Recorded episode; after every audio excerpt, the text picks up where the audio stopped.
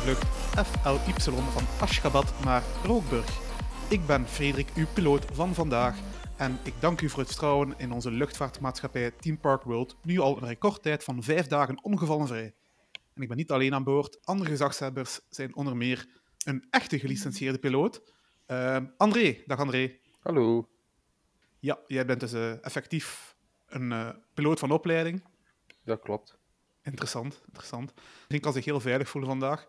Uh, nog iemand die uh, van transport zijn werk heeft gemaakt, maar dan op de grond, dat is Wim. Dag Wim. Ik kan ook laag vliegen. Ja, maar ik denk als jij aan het vliegen bent, dat we dan... Uh, Dadelijk ja. het journaal, maar toch, het lukt. Het lukt. maar maar het hoeft geen uitdaging te zijn, Wim. Oh, dat niet. Oké, okay. hoeft niet ja. te bewijzen. En ook nog aanwezig op ons vliegtuig, de man die van stalen trek houdt, maar dat hoeft niet per se op een achtbaan te zijn, Jasper. Hallo iedereen. Alles okay, goed, doei. Jasper? Alles in orde met mij, ja, zeker.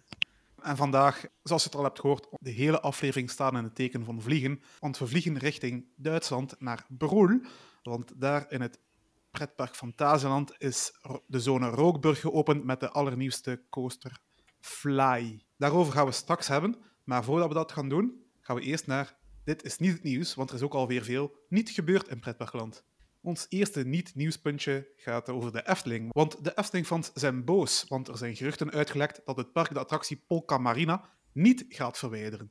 En uh, ja, de, kwa de kwade fans reageren op Twitter en, uh, en, reageert uh, onder andere zoals dit kan toch niet, die attractie is helemaal op. Bovendien past het echt niet meer in het hedendaags beeld van de Efteling. Niemand komt hier toch om die zogenaamde opvulattracties te doen. Nee, wij vullen onze tijd liever door in open veehokken uren te staan wachten voor een powered coaster. Um, het park reageerde enkel door te stellen dat er nog niks beslist is. Um, jongens, wat vinden jullie? Polka Marina, moet het park die, die wegdoen of, uh, of toch laten staan?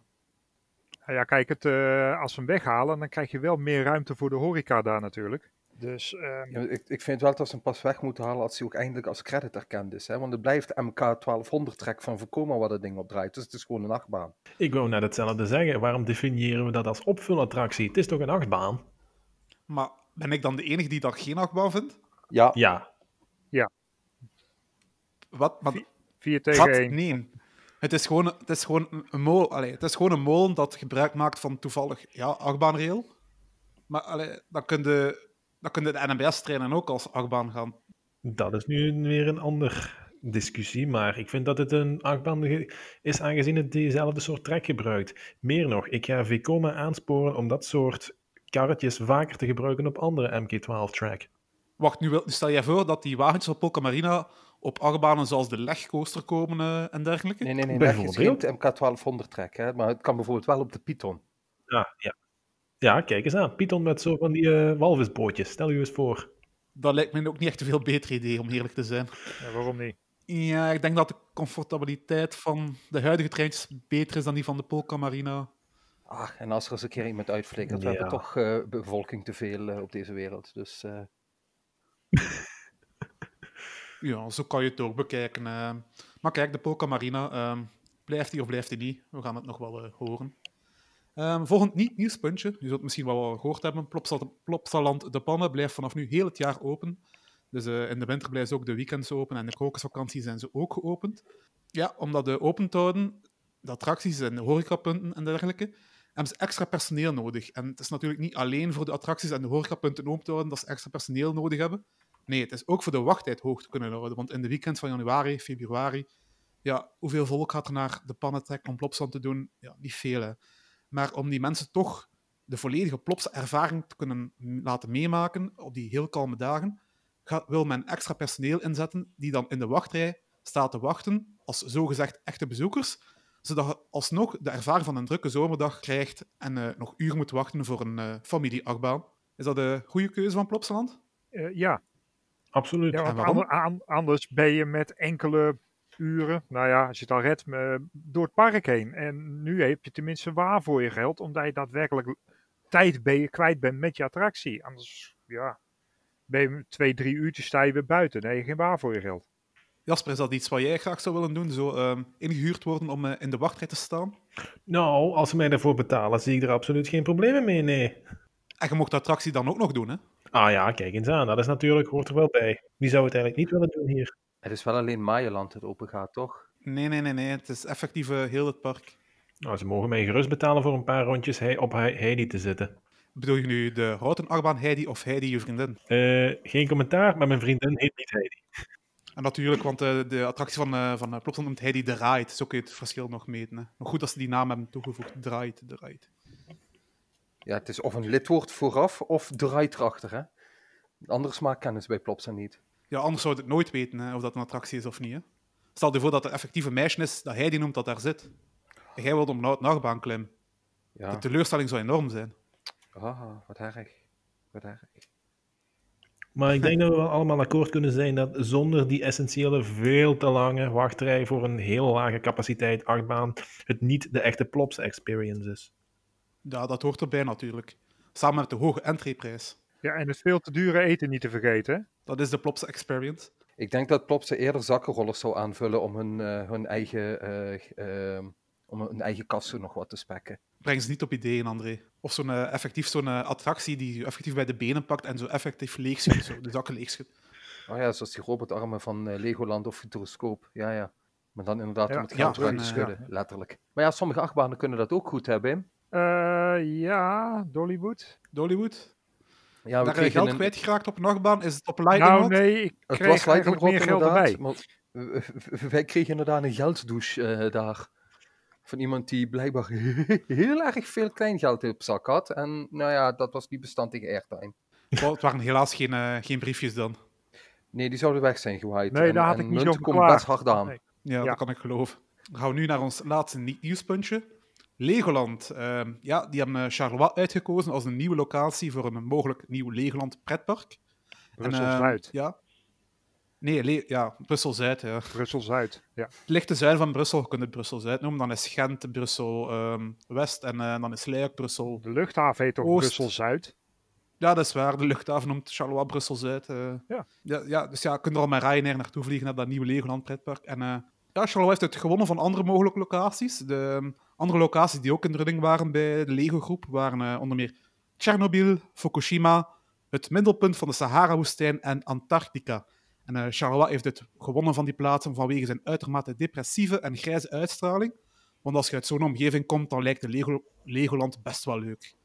Eh goede keuze voor Legoland? Er, er staat al een Legoland in de, in de Sahara, hè? dus eh, dat, dat, dat was ook niet, of in de uitlopers ervan tenminste. We zijn er nog geweest. Ja, maar was kijk, het zand is geel en blokjes zijn ook geel. Maar dat grijze van Charleroi, dat vind je eigenlijk in Lego zelden terug. Dus die blokjes, die gaan daar eruit techniek, springen, Ik dat heb wil je een niet hele doos weten. vol met lichtgrijs en donkergrijs. Wat? Bestaan die zelfs? Ja, ze bestaan de kleurtjes. Ah, dat is waarschijnlijk van, de, van, van die spelset van eh, Charleroi.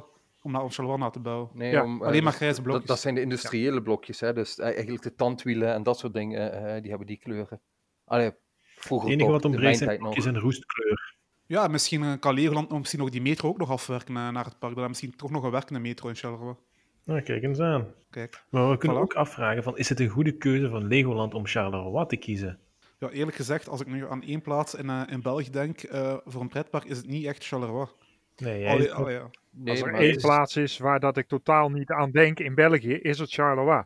Ongeacht wat je erachter plakt. Allee, de streek van Charleroi is ook zelf ja, een arme streek. Dus van die locals ga je het ook al niet echt moeten hebben, Ja. tenzij je dat die prijzen echt heel fair naar hun houdt. Ja, dat dus- lijkt mij sterk met Lego. Dat is ongeveer net zoiets als Plopsa en lage prijzen. Dat ga je niet meemaken. Ja, ja oké, qua, qua mobiliteit, ja, er is, er is zelfs een luchthaven, dus dat is geen probleem. Maar ja, de de streek... ja. Mond ligt eh, vlakbij. Natuurlijk. Ja, maar daar had je, je had natuurlijk ook voor Luik kunnen kiezen. Ook een grijze stad trouwens, maar ook een arme stad. Ja, maar minder Ja. dan Charleroi, toch? Eh, heeft ook een luchthaven, goede verbinding. Maar dat ligt tenminste nog tegen wat rijkere landen aan, zoals Duitsland en Nederland. Ja, en Ja. ehm, Nee, dan kies je? Charleroi, wat ook nog eens een keer tegen het arme deel van Frankrijk aan ligt. Ja, dat, ja, Nou ja, het gedeelte van Frankrijk wat eronder ligt is een bufferzone om niet te kort in de buurt van België te komen. Hè. Dus er zijn alleen maar regionale eh, natuurparken en zo, maar niet echt heel nee, veel nee. steden. wij zijn... België is de buffer om niet tegen Frankrijk te komen. Legoland en Charleroi. ehm, ja, we zullen zien wat er van komt. We gaan het niet echt over Legoland en Charleroi eh, meer hebben, want er, ja, er is wel iets heel eh, interessants opengegaan onlangs. Ehm, niet zo ver van, van, van België en Nederland en, Oh, Max en in Duitsland. Max en Moritz. Oh, geweldige baan. Oeh, Max en Moritz. Ja, die hebben al eens gedaan, denk ik. En er al een aflevering over gemaakt. Ja, daar was ik Ehm, ook bij. Ah. Oh, welke Ja. achtbaan is dan open gegaan? Eentje van Vekoma. Weer een SLC? Python is al een tijdje open, hè? Gehangt onder de baan, maar... Het Oh, is geen Uber- SLC. Ja, tuurlijk. Welke baan had het anders kunnen zijn? Daar valt ook heel wat over te zeggen, maar dat gaan we nog sparen voor een latere aflevering. Ehm nee, Je bent er nog niet geweest. Over... Jawel, ik heb die al gedaan. Oh, jawel. Ehm, we gaan het hebben over uh, Fantasielands nieuwste achtbaan, Fly. De achtbaan waar we jaren naar hebben uitgekeken. En eh, die is eindelijk geopend. En nu, halverwege september, opeens, bam, de deuren van Rookburg waren geopend. Heeft iemand van jullie dat zien aankomen? Nee. Eh, nee, en waarschijnlijk hun zelf ook niet. Iemand had de sleutel gevonden en is ze vergeten op slot te doen. Ja, Nee, het was wel te verwachten dat hij rond die periode zou openen, maar het is zo volstrekt onaangekondigd. was inderdaad wel een beetje, ja, een beetje jammer eigenlijk. eh. Nee, ik vind dat bewonderenswaardig. Fantasialand heeft de ballen om gewoon te zeggen van, is het klaar? Oké, ja, gewoon doe maar open, hè, geen probleem. Ja, maar het is ja, gelijktijdig is dat juist een beetje Fantasieland onwaardig. Want Fantasieland staat er onbekend om een grootse opening te doen. En nu is het ineens van, oh, hij is open. Er is inderdaad geen grootse opening aan vooraf gegaan. En momenteel, zover ik weet, is hij altijd in soft opening en nog niet in... Is hij, is hij technisch gezien nog niet echt volledig geopend. Maar je kan naar Fantasieland gaan en je kan hem gaan doen. Normaal. Ja. Ehm, het is natuurlijk ook wel eh, een manier van een Fantasieland om die softopening, om, dat, allee, om eh, de baan en het gebied eh, ook wel te leren kennen. Dus ja, ze zeggen ook zelf, is een softopening, wat betekent dus dat je ook nog wel misschien wel technisch probleem kunt verwachten. Dus het park kan nu die periode aangrijpen om die baan eh, te leren kennen, het personeel in te laten werken en, eh, ja, en, eh, en zorgen dat alles draait voor eh, die, die baan later misschien echt volledig open te gooien. Ehm, En ook de afwerking van het gebied nog, hè. ja, ik had, hem, ik had hem wel maar volgend jaar open verwacht. Ik had hem dit jaar niet meer open verwacht. Ik eerlijk gezegd ook niet meer. Zeker gezien ook dat gezeur met die corona, had ik gedacht van, ze stellen het uit naar volgend jaar. In de hoop dat we dan allemaal wat beter zijn eigenlijk. Maar Ja, want dat is het Ja, punt. dat weet niet verwacht van mij, met eh, corona. Je weet niet wanneer corona voorbij gaat zijn. En juist in een park als Fantasieland, eh oppervlakte is daar al minimaal. En met Rookburg is toch wel een aardig eh, stukje oppervlakte erbij gekomen. Dus dat betekent dat ze ook weer meer mensen kunnen toelaten in het park. Wat betekent dat ze dus ook weer wat meer omzet kunnen draaien. Eh, dus op zich snap ik dat ja, ze en zo ze moeten zometeen toch weer gaan graven, dus ze sluiten weer een deel. Ik vermoed Ja. dat Fantasialand Rookburg effectief inderdaad heeft opengegooid, juist vanwege corona. Moet het zo bekijken, dat park heeft ook wel de druk gevoeld natuurlijk van corona en dus dat er minder bezoekers zijn geweest. Het opengooien van Rookburg zal er wel hebben toe bijgedragen dat al die pretparkkijkers zoals wij juist afkomen om die attractie te doen. Die heeft ook, daarom misschien dat ze die nu ook niet volop aan het marketen zijn, omdat ze weten van kijk, we hebben een grote groep mensen die sowieso afkomen. Wanneer het effectief voorbij is corona, dan kunnen we volle bak inzetten op marketing en campagnes en wat nog allemaal. En dan betaalt die baan zich zo terug. Ja, die baan zal zich eh, sowieso terugbetalen. We hebben daar in de wachtrij gestaan. We hebben daar eh, vensters gezien die provisorisch nog eh, dichtgekleefd waren, omdat het gedeelte erachter nog niet afgewerkt was. Eh, we hebben ook gezien dat daar toch nog eh, hier en daar wat, wat tunnels en, eh, zijn die niet afgewerkt zijn, of wat fundamenten die nog bloot liggen. Ehm, dus, en, en ook ehm, de dag nadat wij er waren, ehm, nou ja, je weet, s morgens openen niet Rookburg direct in de ochtend. Maar die ochtenden eh, zijn ze nog effectief aan het werk eh, met, aan, aan teaming, aan, aan de baan, aan van alles en nog wat. Dus er wordt nog echt aan het gebied gewerkt. Dus het gaat ja, nog beter worden. Inderdaad. En eh, ja, de constructie heeft wel al een paar jaar in beslag genomen, een hele tijd. En eh, zoals altijd was uh, Fantasieland heel karig met de informatie naar buiten erover. Um, het was al in de, zomer, uh, in de winter van 2016, 2017, dat, er al, dat, dat de bouwwerken zijn begonnen. En toen hebben ze, zijn begonnen, ze zijn begonnen toen met de, met de sloop van de simulator uh, Race Atlantis, die daar vroeger stond. Ja, dat is niet het begin van die bouwwerk. iconische bol. Het is niet alleen die plaats dat er dat Rookburg ligt, dus Nou, ik denk dat... Je, je, je kunt de sloop van een attractie niet tellen tot de bouwwerkzaamheden van een andere attractie. Hè? Uh, dat is heel erg krom, krom redeneren. De bouw is pas begonnen uh, aan het eind van 2017. Ja, maar in 2016 zagen we toch al uh, ja, weer al werken voor een nieuwe attractie. En net in, net in het jaar dat Taron en, en Kloegheim uh, werd geopend daar. Mm -hmm. Goh, ik weet het niet. Kan je dat niet tellen tot uh, de bouw van een nieuwe attractie? Ik bedoel, de sloop van bijvoorbeeld Bob en Efteling was eigenlijk ook het begin van de werken voor Max en Moritz. Ja, en sowieso... Ja, het zijn wel de begin voor de voorbereiding. Het zijn eigenlijk voorbereidende werken voor een nieuwe attractie. Dat is bijvoorbeeld het sloop en dergelijke. Maar uh, de daadwerkelijke bouw is pas op het moment dat je daadwerkelijk eigenlijk gaat beginnen aan grondwerkzaamheden.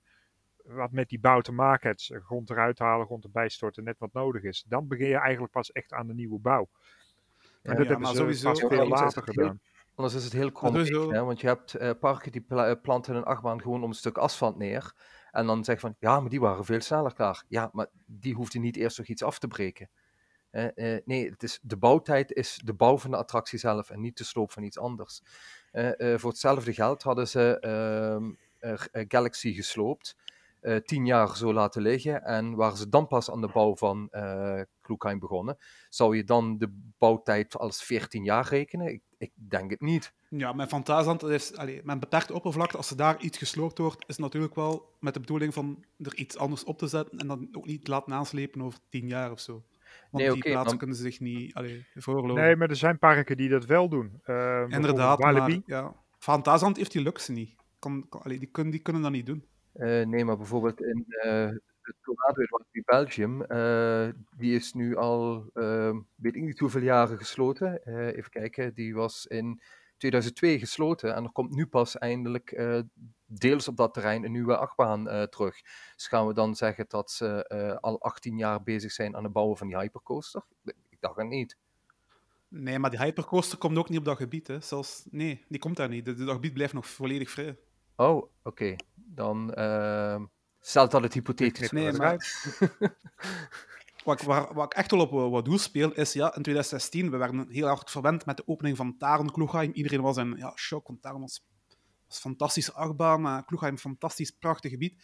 En toen zagen we meteen al, ja, Race voor Atlantis werd gesloopt. En dat, dat betekent dat gewoon, zeker in Fraasland, in zo'n klein park, daar gaan we iets nieuws kunnen verwachten. Hm. En uh, ja, Race for Atlantis, uh, die is gesloopt. Had iemand van jullie die, die simulator missen? Nee. Race for Atlantis. Dat ding heb ik letterlijk koppijn aan overgehouden. Ik, ik vond Galaxy vond ik uh, best cool, maar de, de, uh, de, de ombouw naar Race for Atlantis was echt een, een nee.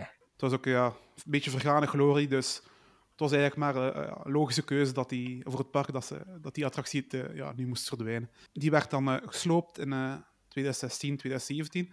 En dan komt ja, dat weet, dat weet je, we kunnen iets nieuws verwachten. Maar wat, um, ja, dat, was, dat kon alleen maar gokken, want Fantasieland, ja, die zijn heel klaar met informatie naar buiten. En uh, ik weet niet wat, wat jullie dachten, maar ik dacht aanvankelijk eerst aan een, ja, aan een Dark Ride. Niet ja, meteen aan eigenlijk een, zoiets eerlijk gezegd ook verwacht. Iets uh, een beetje plaatsvervangend voor wat ze sloopten. Ja, want voor Kloegheim en daarom werd onder meer die oude Western Dark Ride, waarvan ik de naam even kwijt ben, uh, gesloopt. Zilvermijn. Dus dat leek mij een nieuwe dagride. Ja, Zilvermijn, ja. De Zilvermijn. Dus leek mij een nieuwe dagride wel uh, ja, goed passen uh, in de catalogus van, van, van het park. Ja, het is natuurlijk wel een van de weinige het zelf. waar we grote achtbaan kwijt kunnen. Hè. Um, op een andere plaats zie ik dat niet echt komen. Ja, maar had jij verwacht dat ze drie achtbanen zo kort op elkaar zouden gaan zetten? En dan nog, ja... Achtbaan toppers dan nog, wereldtoppers dan nog. Achtbaan was eigenlijk wel een van de meest uh, waarschijnlijke gokken op dat moment. Dus achtbaan of dagride. Heel veel anders uh, ja, kon daar bijna niet komen.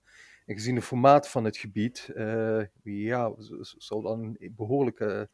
En dan krijg je nog het graven. En dan, ja, het, het was eigenlijk al heel snel duidelijk dat, die, dat dat prototype wat in Vlootrop opgesteld stond, dat dat voor Fantasieland bedoeld ging worden. Ja, dat de mysterieuze testopstelling daar Ja, dat wisten we toen nog niet. Maar ja, nu weten we wel dat uh, FLI, of eigenlijk dat systeem van uh, uh, Vekoma, speciaal voor FLI ontwikkeld is. Ja, toen, dat wisten we van, toen nog niet. Nee, iedereen zat maar te raden. Wat is dat ding? Waarvoor zou het dienen? Is het een dagreissysteem? Ja, natuurlijk later hebben we de puzzelstukken bij elkaar kunnen leggen, maar dat is natuurlijk ook wel heel speciaal natuurlijk juni 2017 kwam het park met toch uh, een aankondiging naar buiten. En uh, toen kondigden ze ja, effectief Fly aan. De allereerste gelanceerde flying coaster ter wereld en ook de langste flying coaster ter wereld. Dus het uh, is ook langer dan Flying Dinosaur. Ja, 26 meter. Ruim langer. Ja, 26 meter langer. Die hebben jullie gedaan, hè, trouwens, Andrea Wim? Als ik Ja. Ja. Heel Nee. intense baan. Ja, Heel intens. Heel Ja, intens. Eh, ja het, het gevoel van vliegen heeft die baan niet echt, maar als achtbaan is het wel echt eh, ja, gewoon een hele intense eh, coaster. Een hele heftige, goede baan ook hoor. Absoluut goed. Desoriënterend, maar eh, wauw. ik denk dat het bij vele achtbaanfans eh op de bucketlist staat. En eh, terecht als ik dat eh, zo hoor. En eh Van Duitsland bleef ondertussen verder werken aan Rookburg en aan Kloegheim. En eh, ja, daarin gaven ze amper tot geen informatie meer vrij. Ehm fansites begonnen foto's te maken, eh, on- online alles op te volgen. Van Duitsland wil zoveel mogelijk geheim houden en ze spraken zelfs fansites zijn om bouwfoto's te verwijderen. Ehm, gaat het park daar soms niet een beetje te ver in of ehm, hebben ze daar wel gelijk in? Die absolute geheimheid willen bewaren. Nou, ik, weet vind niet dat ze eigenlijk wel een beetje gelijk in hebben. toen we daar eh, de eerste keer binnenliepen. Ehm ik had natuurlijk wel hier en daar al iets eh, gezien, maar ik had van tevoren wel geprobeerd spoilers te voorkomen. En nou, als je, ze hebben ook heel bewust, denk ik, gekozen om alleen die kant open te zetten, omdat als je vanaf eh, Berlijn eh, het, het, Rookburg-gedeelte binnenkomt, dat overigens onderdeel weer maakt van Berlijn, het, het wow-effect is wel echt enorm eh, op het moment dat je daar binnenkomt. En dat zou je niet hebben gehad op het moment dat je elk detail al weet hoe het eruit ziet. Dan ga je meteen kijken van herken ik die details wat ik ook op foto's gezien heb en dergelijke. Daar ga En- ik mee akkoord. Het, het is niet altijd leuk om zo volledig in geheim of in het zwart te worden gelaten. Zeker niet tijdens de bouw van zo'n gigantisch project als Rookburg. Maar toegegeven, die strategie werkt wel voor het moment als je daar binnenkomt voor de eerste keer. ja, Ja, er waren en- het momenten dat- tijdens de bouw ja, go ahead. Ja. ja, er waren momenten tijdens de bouw ehm, dat ik de aandacht voor Rookburg verloor ook en zeg van, ah ja, dat is er ook nog, maar ja, dat duurt al zo lang, we weten niks.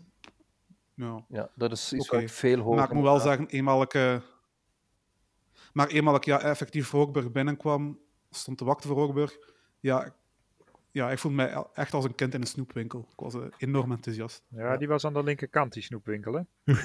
Ja, ha, Nee, maar de. De hype voor Roekburg, die, eh, die ging ook inderdaad eh, een beetje op en neer als een achtbaan. Eh, en, en op zich, juist dat heeft met name op het einde ervoor gezorgd dat die hype ook echt groot was. En dat onmiddellijk de site om tickets te bestellen verstopt zat en het niet meer deed. En, en dat, het, dat het goed werkt. Want juist omdat Fantasieland er heel stil in is, gaan fans er veel meer over praten en speculeren. En natuurlijk proberen om die foto's toch te maken die wat eigenlijk eh, niet mogen. Ehm, en er is op een gegeven moment zelfs een onride eh uitgelekt van de baan. Weliswaar nog in ruwbouwfase, dus alles, alles beton eromheen. Eh, ja, hoe, hoe die uiteindelijk uit heeft kunnen lekken is natuurlijk een raadsel. Maar het zou me niet, van, het zou me niet verbazen als, daar, als er hier en daar bewust iets eh, uitgelekt wordt. Om juist die, die, die molen aan geruchten en hypes en, en weet ik wat allemaal op gang te houden. Ja, wij zijn er ook geweest toen, eh, hebben een, nou, bijna een uur over die schutting proberen te gluren. Ja, ja, ja, Ja, in de winter eens een keer, dacht ik. Ja.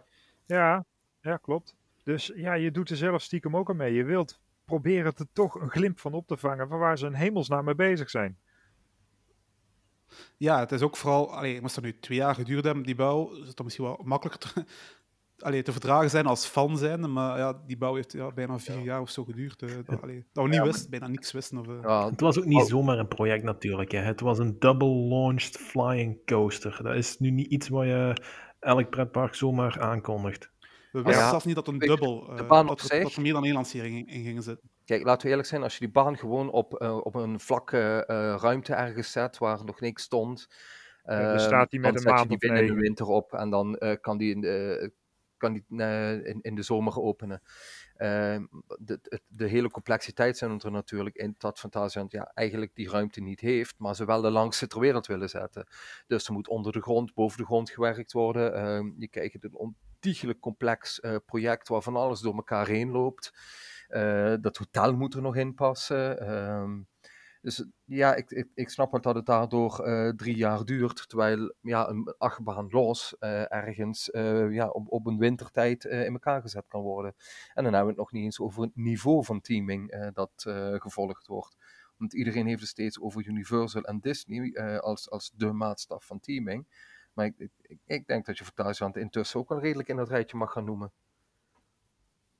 Oh, absoluut. Eh, Daar ga ik mee akkoord. Absoluut. Absoluut, 100% akkoord. Ik kan mij zelfs... Van alle achtbanen, van alle 699 achtbanen die ik bereden heb, is Fly waarschijnlijk de meest immersieve achtbaan op mijn lijst. Dus eh, het is absoluut Ja, fantastisch. van de achtbanen waarschijnlijk wel. Ehm, Achtbaan, ja. Dark Rides zijn natuurlijk een andere klas natuurlijk. Maar dat is ook wel iets makkelijker te doen dan bij een achtbaan natuurlijk. Ja en nee. De, de, eh, juist omdat je bij over, uh, dark over het algemeen de trage langs gaat, kom- moet je nog meer detail gaan leggen. Ik moet zeggen, eh, eh, dit is misschien een beetje Ja. controversieel, eh, maar bijvoorbeeld eh, toen het nog Space Center was, was die achtbaan ook behoorlijk immersief. Je had echt eh, een, een, een, een voorshow met uitleg over een ruimtemissie waar je naartoe gestuurd eh, werd, met complete dark ride segmenten Ja, tijdens dat ding heet nu Crazy Bats, hè? Ja, Eh, maar toen, het- maar die had toch ja, echt... Die achtbaan heb ik eh, nooit kunnen doen. die had nog echt dark segmenten Die op de trage gedeelte. Die had eh neermissers op de snelle gedeeltes. Eh, dat was best een, een, een goed stukje eh, immersieve ervaring. Maar wel pas vanaf het moment dat je het gebouw binnenkwam. En dat is natuurlijk het mooie van Roekburg. Dat het niet in een gebouw is. Maar dat het eh, eh, outdoor is. En nou ja, goed, de muren zijn hoog genoeg dat sommige mensen effectief denken dat het indoor is. Ehm, maar dat is het niet. En ja, zoiets als een hotel voegt daar gigantisch veel aan toe. Want als je die kant op kijkt, lijkt het gewoon alsof er echt nog een hele eh, stad achter ligt. Juist nog even vermeld dat Space Center de originele Temple of the Nighthawk was. Dus voordat hij geherthematiseerd werd naar eh, de Nighthawk met een jungle-thema, was dat ja, Space en Center nu, met een nu weer anders. Nu is het weer Crazy Bats. En nu is het weer anders, ja. Ehm, dat- Space Center zal waarschijnlijk wel de beste vorm van die achtbaan geweest zijn, maar ik heb die helaas nooit kunnen eh, meemaken. Nee, ik helaas ook niet. Nee. Eh, Ehm, insgelijks hier. Dat is jammer. voor Fly heeft uh, Fantasieland bij Vekoma aangeklopt, uh, de Nederlandse achtbaanfabrikant. Goeie keuze. Ik Ja, denk de beste Ik keuze momenteel. Wie, wie anders had het moeten doen? Ja, Ik denk dat de enigste andere logische keuze ja, B&M zou geweest kunnen zijn. als- kan niet zo compact bouwen. Nee, maar het- Nee. allee, ik noem B&M dat dat de enigste andere grote constructeur is die ervaring heeft met flying coasters. klopt, Ja, maar ik denk nee. dat BNM een beetje te conservatief zou hebben gedacht met deze baan. Je vergeet Ja. zo'n Perla, hè? Die, die hebben ook heel veel ervaring met eh, flying coasters. Dus ik, denk niet, ik denk niet dat Zamperla echt aan de kwaliteitseisen van, eh van Thuisland zou kunnen voldoen. Maar eh, Nee, niet aan kwaliteitseisen voldoet. ja, ja, dat is nog beter gesteld, inderdaad. eh. B&M kan bijna niet compact bouwen, of toch met heel veel eh, moeite. Eh, maar ook hun flying coasters eh, voelen vrij zelden aan alsof je echt aan het vliegen bent. Eh, ehm, Ja, de enige is het uitzondering is, eigenlijk Air. Air doet het heel goed en die is ook ontworpen door John Wartley en niet door B&M zelf. Dus waarschijnlijk is dat de reden. Eh, ik moet zeggen, de Manta en dus ook Acrobat in Nagashima Spaland, die doen het ook nog wel vrij goed.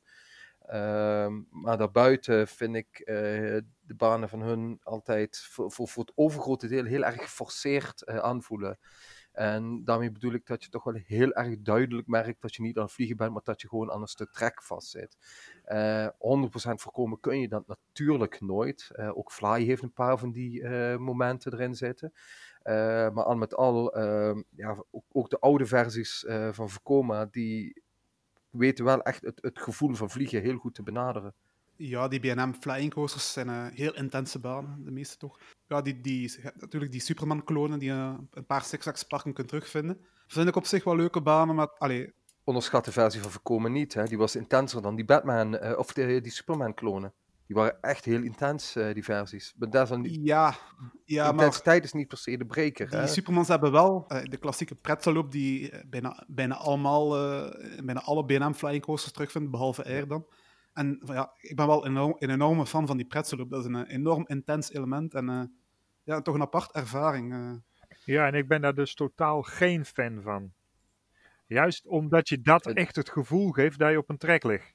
Eh, de pretzelloop van Tatsu, die vond ik wel echt Ja. eh, fantastisch. Ehm, juist omdat die toch beduidend intenser is dan die van de andere. Waarschijnlijk omdat die verderop in de baan zit. En zeker als die baan wat warm gedraaid is. Uh, maar daarbuiten, uh, ja goed, het, het, het is een aardig achtbaan-element. Het vernietigt inderdaad redelijk het gevoel van vliegen. Uh, maar het is, ehm, ja, zeker als je eens een keer een tour door Amerika gaat doen, ga je al heel snel het idee krijgen van, oh, alweer dat element.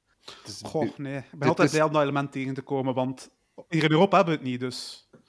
Nee, hier in Europa hebben we het Dus inderdaad niet. Maar als er iemand uh, een park ooit komt met een BNM Flying Coaster, dan ga ik je garanderen dat dit element er wel in gaat zitten. Allee, Bellewaard, doe, doe eens tot. oh, ik zie het Nee, zitten. Ik, ik zie het wel, ehm, ik, ik zie het hoger bij een van de Merlin Park op een gegeven moment nog wel komen. Eh dus misschien Heide Park of zo, of, of Gardaland. Eh, ik denk dat Heide Park Of Legoland de Charleroi? grootste... Ja, nee. Ja, ik denk inderdaad dat Heidepark de grootste kanshebber is op zoiets. Ja. Ja. Ja, misschien nog eh Torpenpark, maar ik denk dat die eerder voor een Woody gaan eh, verder. Maar nee, eh, inderdaad, ik, ik denk dat Heide de beste kans is. Of een Energielandia. aanvulling op eh, de BNM-heuvel in eh Sal, eh, Salau. Hoe heet dat? Salto. Portaventura en Salou. Ik denk dat dat, eh, die zie ik er ook nog toe in staat om binnen Europa Dat is, zijn dat is te interessant dat je dat zegt, Wim, want ik heb een tijdje geleden geruchten gehoord over een nieuwe achtbaan voor Portaventura en dat ging over een flying coaster van BNM. Eh, ja, en als ze hem daar zo tussen die andere twee BNM's in douwen, dan ja. Oh Ja, en, eh, dan wordt het echt een dus daar, werken, daar ze ook wel graag met BNM, dus het is niet... Ja, en vooral grof staal. Dat is echt BNM heel daar zo, hè? Eh in Nederland als ik dan toch meer voor Vekoma kiezen. eh die zijn toch meer vaste klant bij Vekoma. Ja, En ehm, eerlijk gezegd, van Fly, ehm, van dat type, mogen er nog veel meer komen. Van mij wel. Vekoma is eigenlijk ook wel de fabrikant die ehm, begonnen is met de moderne flying coaster. Al waren ze wel niet de allereerste die een flying coaster geproduceerd hebben. Want die eer valt de beurt aan Skytrack International, die de achtbaan Skytrack hebben gemaakt voor het parkje Granada Studios in Manchester. Ik weet niet ja. of jullie die baan kennen. Ja, ik, ik- ik, ik- heb gehoord van die baan. Ik zou zeggen, eh, laten we een, een, voor de sake of the argument het verschil maken tussen flying en eh, liggend. Ehm, want inderdaad, als je een baan pakt als die zogenaamde flying coasters van Samperla, of inderdaad eh, die baan wat jij net noemt, of, of Hexenbezen, voor wie hem kent in Duitsland, waar je gewoon in een plexiglazen koker op je buik ligt. Ehm, ja, dat zijn achtbanen, daar lig je in. Ehm, die kunnen ook bij lange na niet de manoeuvres maken die een echte flying coaster kan eh, maken.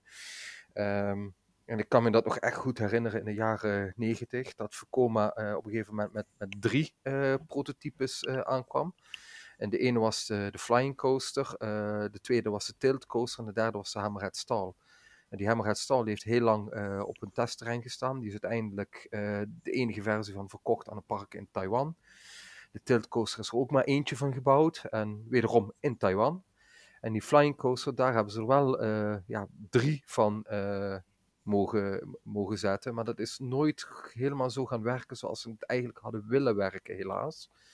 Eh, en ja, ondanks dat Vekoma heel veel tijd, moeite, geld geïnvesteerd heeft in eh, de berekening hoe dat allemaal werkt, is BNM uiteindelijk ermee gaan lopen. En die hebben het, het, het, geld ervoor kunnen vangen door de banen daadwerkelijk eh, te bouwen. Ja, want je kan wel misschien wel de eerste zijn die met een concept afkomt, of de eerste die met een goed concept afkomt van een idee. Maar eh, ja, natuurlijk, een ander kan het natuurlijk altijd nog ook gebruiken en eventueel beter maken. En eh, ja, En dat is helaas ook een beetje m- m- en en dergelijke marketing. Eh, dus ja, uh, Vekoma heeft er maar drie van verkocht, van die Flying Dutchmans. Ja. Ehm, allemaal tussen 2000 en 2001. Ja, en ze zijn ook vaak verplaatst. En er zijn twee modellen van. eh, eentje met en eentje zonder de helix op het einde. En het, het mooie was, ehm, voor, voor wie de banen, eh, alles zo'n baan gedaan heeft, weet dat ze eigenlijk, eh, ja, basically tussen de remsectie tot aan de lifthill heel erg oncomfortabel zijn. Want het, het concept wat van voorkomen was dat je achteruit het station uit vertrok en dan op de lifthill platgelegd zou worden op je rug. Nou, tegen dat je op de lifthillbaan loopt die baan naar boven toe en dan is het dus nog steeds een min of meer zittende houding. Maar het heeft nooit goed gewerkt. En bijvoorbeeld bij de baan die nu in Six Flags America staat, zie je nog steeds die cilinders in de trein zitten voor, dat, eh, voor die beweging voor elkaar te krijgen. In de praktijk uh, is dat dus nooit gelukt. Dus nu kan dat uh, kantelen alleen in het station. Maar omdat je met je hoofd dan lager ligt dan met je lichaam, is dat ja, niet heel prettig. Je voelt het bloed naar je hoofd toe uh, stromen. En je ligt er vrij lang op die manier, omdat die beugels dan nog gecontroleerd moeten worden en die vesten gecheckt moeten worden. En je bent echt heel blij als je eindelijk op die lifthill bent. De rit zelf is fantastisch. Totdat je dan weer in de remmen schiet. Want ja, ik noemde net al, je ligt met je hoofd uh, al lager dan met je lichaam. Uh, de remsectie loopt ook nog eens een stukje naar beneden toe. Dat maakt het effect wat erger. En ja, door de remkracht op zich schiet het bloed al helemaal naar je hoofd in. Um, ja, en dan lig je meestal nog een hele tijd stil in die remmen. Dan nog eens een hele tijd in het station voordat die karretjes eens rechtgezet worden. Want we kennen Six Flags echt op capaciteiten doorwerken. Dat kunnen ze niet. um, ja, en al, met al is dat uh, niet, niet, niet de beste ervaring voor, een, uh, voor de passagier uh, geweest. BNM heeft dat eigenlijk dus daarmee omgekeerd. Die hebben gezegd van we gaan er gewoon niet eens aan beginnen om dat op de lifthill te doen. Maar we hangen die trein gewoon van begin af aan al onder de trek. zodat je in ieder geval geen moment hebt totdat je met je hoofd lager ligt. En ja, dan is het net genoeg variatie dat je onder het patent van voorkomen uitkomt. En ondertussen uh, ja, blokkeert dat patent van BNM er weer voor dat voorkomen hetzelfde kan gaan doen. En ja, die hebben dus uiteindelijk dit systeem uh, ontwikkeld. Uh, waarbij je eigenlijk ja, zijwaarts het station uitschuift. en ja, ik moet zeggen, ik, ik weet niet hoe jullie het vonden, maar toen ik de eerste keer in dat station kwam van Fly, ik had echt iets van, holy crap, die treinen die komen met een rotgang binnen en die vertrekken met een rotgang weer dat station uit. Dat is misschien gewoon de operations van Fantasialand. Ja, die baan is volgens mij ook wel ontworpen op capaciteit, want uh, dat is ook iets... Ja, maar er is toch een technische snelheid uh, waar zo'n ding op goedgekeurd is. En ze zijn behoorlijk snel met uh, het rijden. Het ging inderdaad vrij vlot. En ik moet zeggen, de manier hoe dat Vekoma nu dit heeft aangepakt met Fly, wel, dat is volgens mij gewoon de allerbeste manier om, om dit gewoon te doen. Je vertrekt gewoon dus zittend, rechtop. En dan heb je een klein dagrijdstukje. En dan vlak voor die eerste lancering gaat de trek kantelen en draaien de zitjes om. En dan kom je eigenlijk in een liggende positie terecht. En het is heel comfortabel allemaal, heel vlot. Dit is eigenlijk, ja, zoals het toch moeten zeggen, ja, geniaal. Ja, en dan zitten er nog mogelijkheden in. Want persoonlijk vond ik het dagrijdstukje eigenlijk dat hij daar wat snel ging. Uh, dat had voor mij wat trager mogen gaan. Vooral in het tweede gedeelte, waar, die, ja, waar je echt het wow-effect krijgt uh, in die, die hal, zonder iets te spoilen. Um, maar bijvoorbeeld, uh, kijk, de ruimte heeft Fantasieland niet. Uh, maar je zou dit systeem ook nog eens met een loopband uh, kunnen maken. Dat je bijvoorbeeld net zoals bij een, het Harry Potter systeem kunt instappen terwijl het beweegt. En dat je dus eigenlijk ja, een, een, een, soort endless systeem creëert. Waardoor je al door maar karretjes door het station hebt laten gaan en mensen instappen. Ja, dat zou ook nog heel goed kunnen natuurlijk. het, is, het, is, in ieder geval een fantastisch systeem waar Vekoma niets anders dan lof voor verdient absoluut. Ja, ik ben wel benieuwd uh, hoe dat het nog steeds aanvoelt uh, over een x aantal jaren. Of dat het dan nog steeds zo soepel voelt. Dat zal liggen ik hoop het, het wel. Ik heb er wel wat twijfels name. over. Uh, maar laten we eerlijk zijn, Fantasieland heeft nog een paar andere voorkomen banen staan. En ik hoor daar toch zelden tot nooit ja, klachten die lopen over ook dat die soepel. niet soepel lopen. Goh ja, ik heb wel vertrouwen in die nieuwe soort, in die nieuwe generatie Vicoma's. En ehm, ook in Fantasieland zelf, om die baan wel soepel te houden. Um, de baan, zoals we hem nu gedaan hebben, ja, die, die reed enorm soepel. Uh, niks op hand te merken. Dus... Uh, ja, wat betreft onderhoud moeten we ook niet bang zijn dat Fantasieland het niet gaat doen. Kijk inderdaad maar naar Temple of the Nighthawk slash Crazy Pets.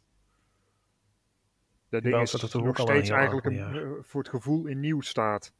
Dus dat hij geen barst ja. aan meer is, maar qua ritcomfort en dergelijke markeert er niks aan. Absoluut niks. Helaas.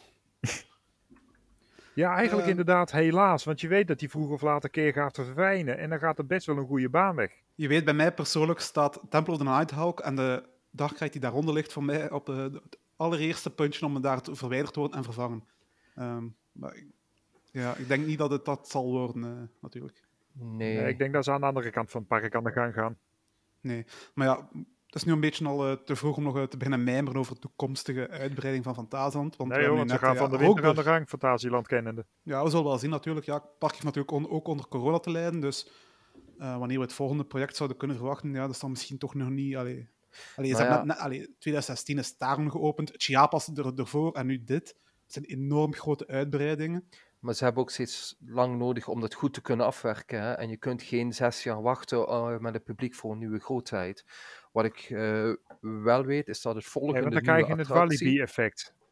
Ja, voor de volgende nieuwe attractie, ik ga je vertellen, dat gaat niet in, uh, in, in, de plek van Temple of the Nighthawk en de, de Hollywood Tour komen. Simpelweg om, in verband met die dinnershow wat daar nog draait.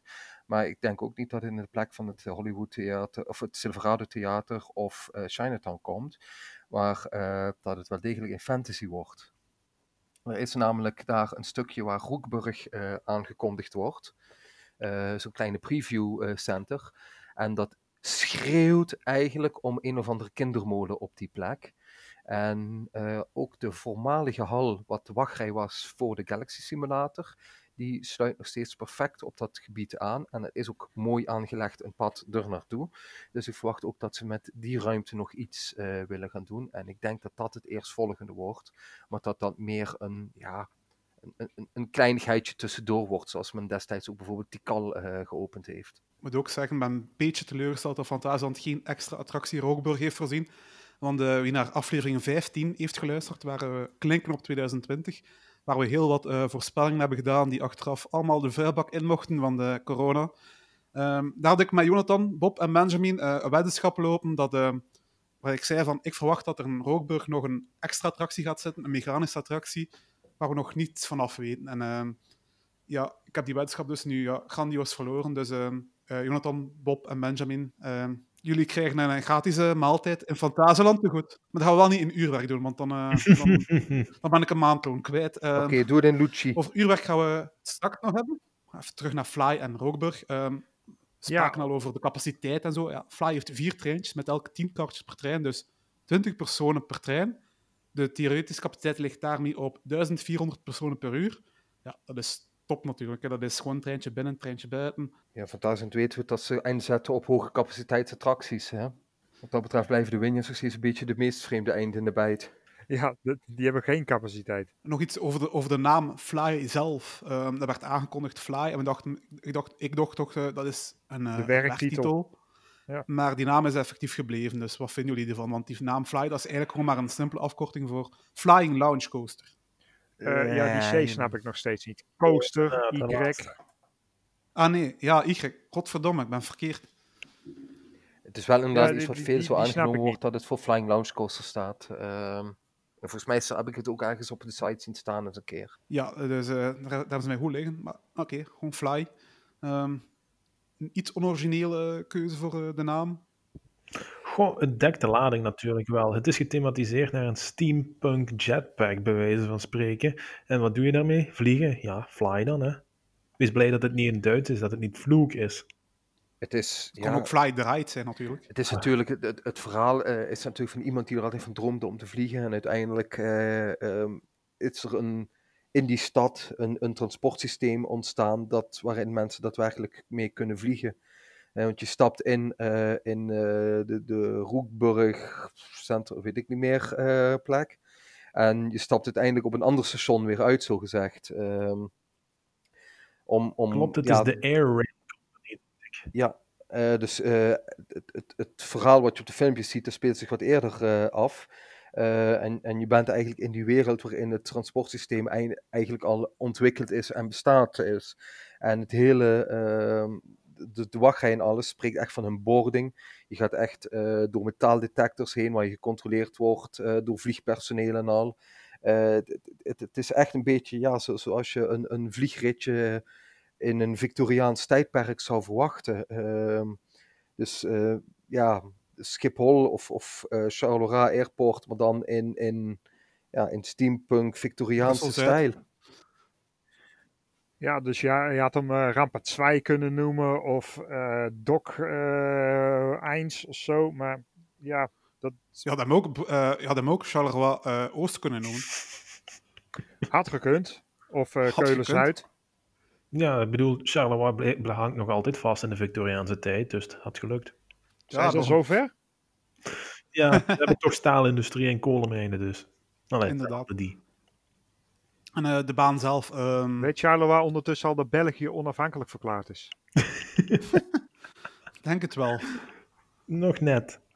Maar dat weten ze ondertussen al wel, dat ze een eigen vlag hebben eigenlijk. Oké. Nu even over de baan zelf. Ja, wat vonden jullie daarvan, Uniek. Jasper? absoluut een unieke ervaring. Ik moet toegeven, het was mijn allereerste flying coaster, dus ik ben, was, had wel hoge verwachtingen. En ja, ze heeft het toch wel ingelost. Je hebt echt het... Herinner je nog die teaser die ze een jaar of twee geleden hebben uitgebracht? Met die Ja, eh, CGI-stad. Ja. Ja. Dat is echt dat gevoel, inderdaad. Je zit in dat karretje, je vliegt rakelings langs gevels en track voorbij. Het is ongelooflijk. ja, en jij bent natuurlijk ook een enorme steampunk-fan. Dus Ja. u- Ja, dat is al eens eerder gezegd. Ja. Dus Dus jij bent... eh, Voor mij is het een match made in heaven. Een geweldige achtbaan met een geweldig concept in een thema dat mij volledig ligt. Ik ben fan. ben je er al uit of dat hij op je nummer 1 komt in eh, Ja, je top ik ben, 10? er, ik ben eruit. Hij komt niet op nummer 1. Daarvoor vind ik Untamed nog net iets te leuk. Eh, meer toch, toch de pure rauwe airtime voor jou. Ja, absoluut. Ehm moet ook wel zeggen, als je een pure achtbaan-fan bent, een trail-fan, ehm, ja, Fly is niet de meest intense achtbaan, zelfs niet van Fantasieland. Ehm Fly moet het echt wel meer van zijn totaalpakket hebben, van de immersiviteit, de thematisatie er rond. Natuurlijk, als dat iets is wat je niet echt interesseert, ja, dan ga je die baan misschien niet zo hoog reten als, als, als, als wij doen, maar... eh, ja, ieder zijn ding, ding, ding natuurlijk. Ik vond het fantastisch natuurlijk. Ja, je, zweeft echt tussen, over die stad, die industriële stad heen echt geweldig natuurlijk. En eh, ja, die flying positie, dat, dat, ja, dat maakt het nog immersiever natuurlijk. Dat leent ervoor om, om, om zo'n baan zo te thematiseren. Ik denk dat hij perfect zijn eh, werk doet. is denk ik ook heel goed gekozen door, door Fantasieland. Want ze hebben natuurlijk al Black Mamba en Taron die beide heel intens zijn, maar beide op een hele andere manier.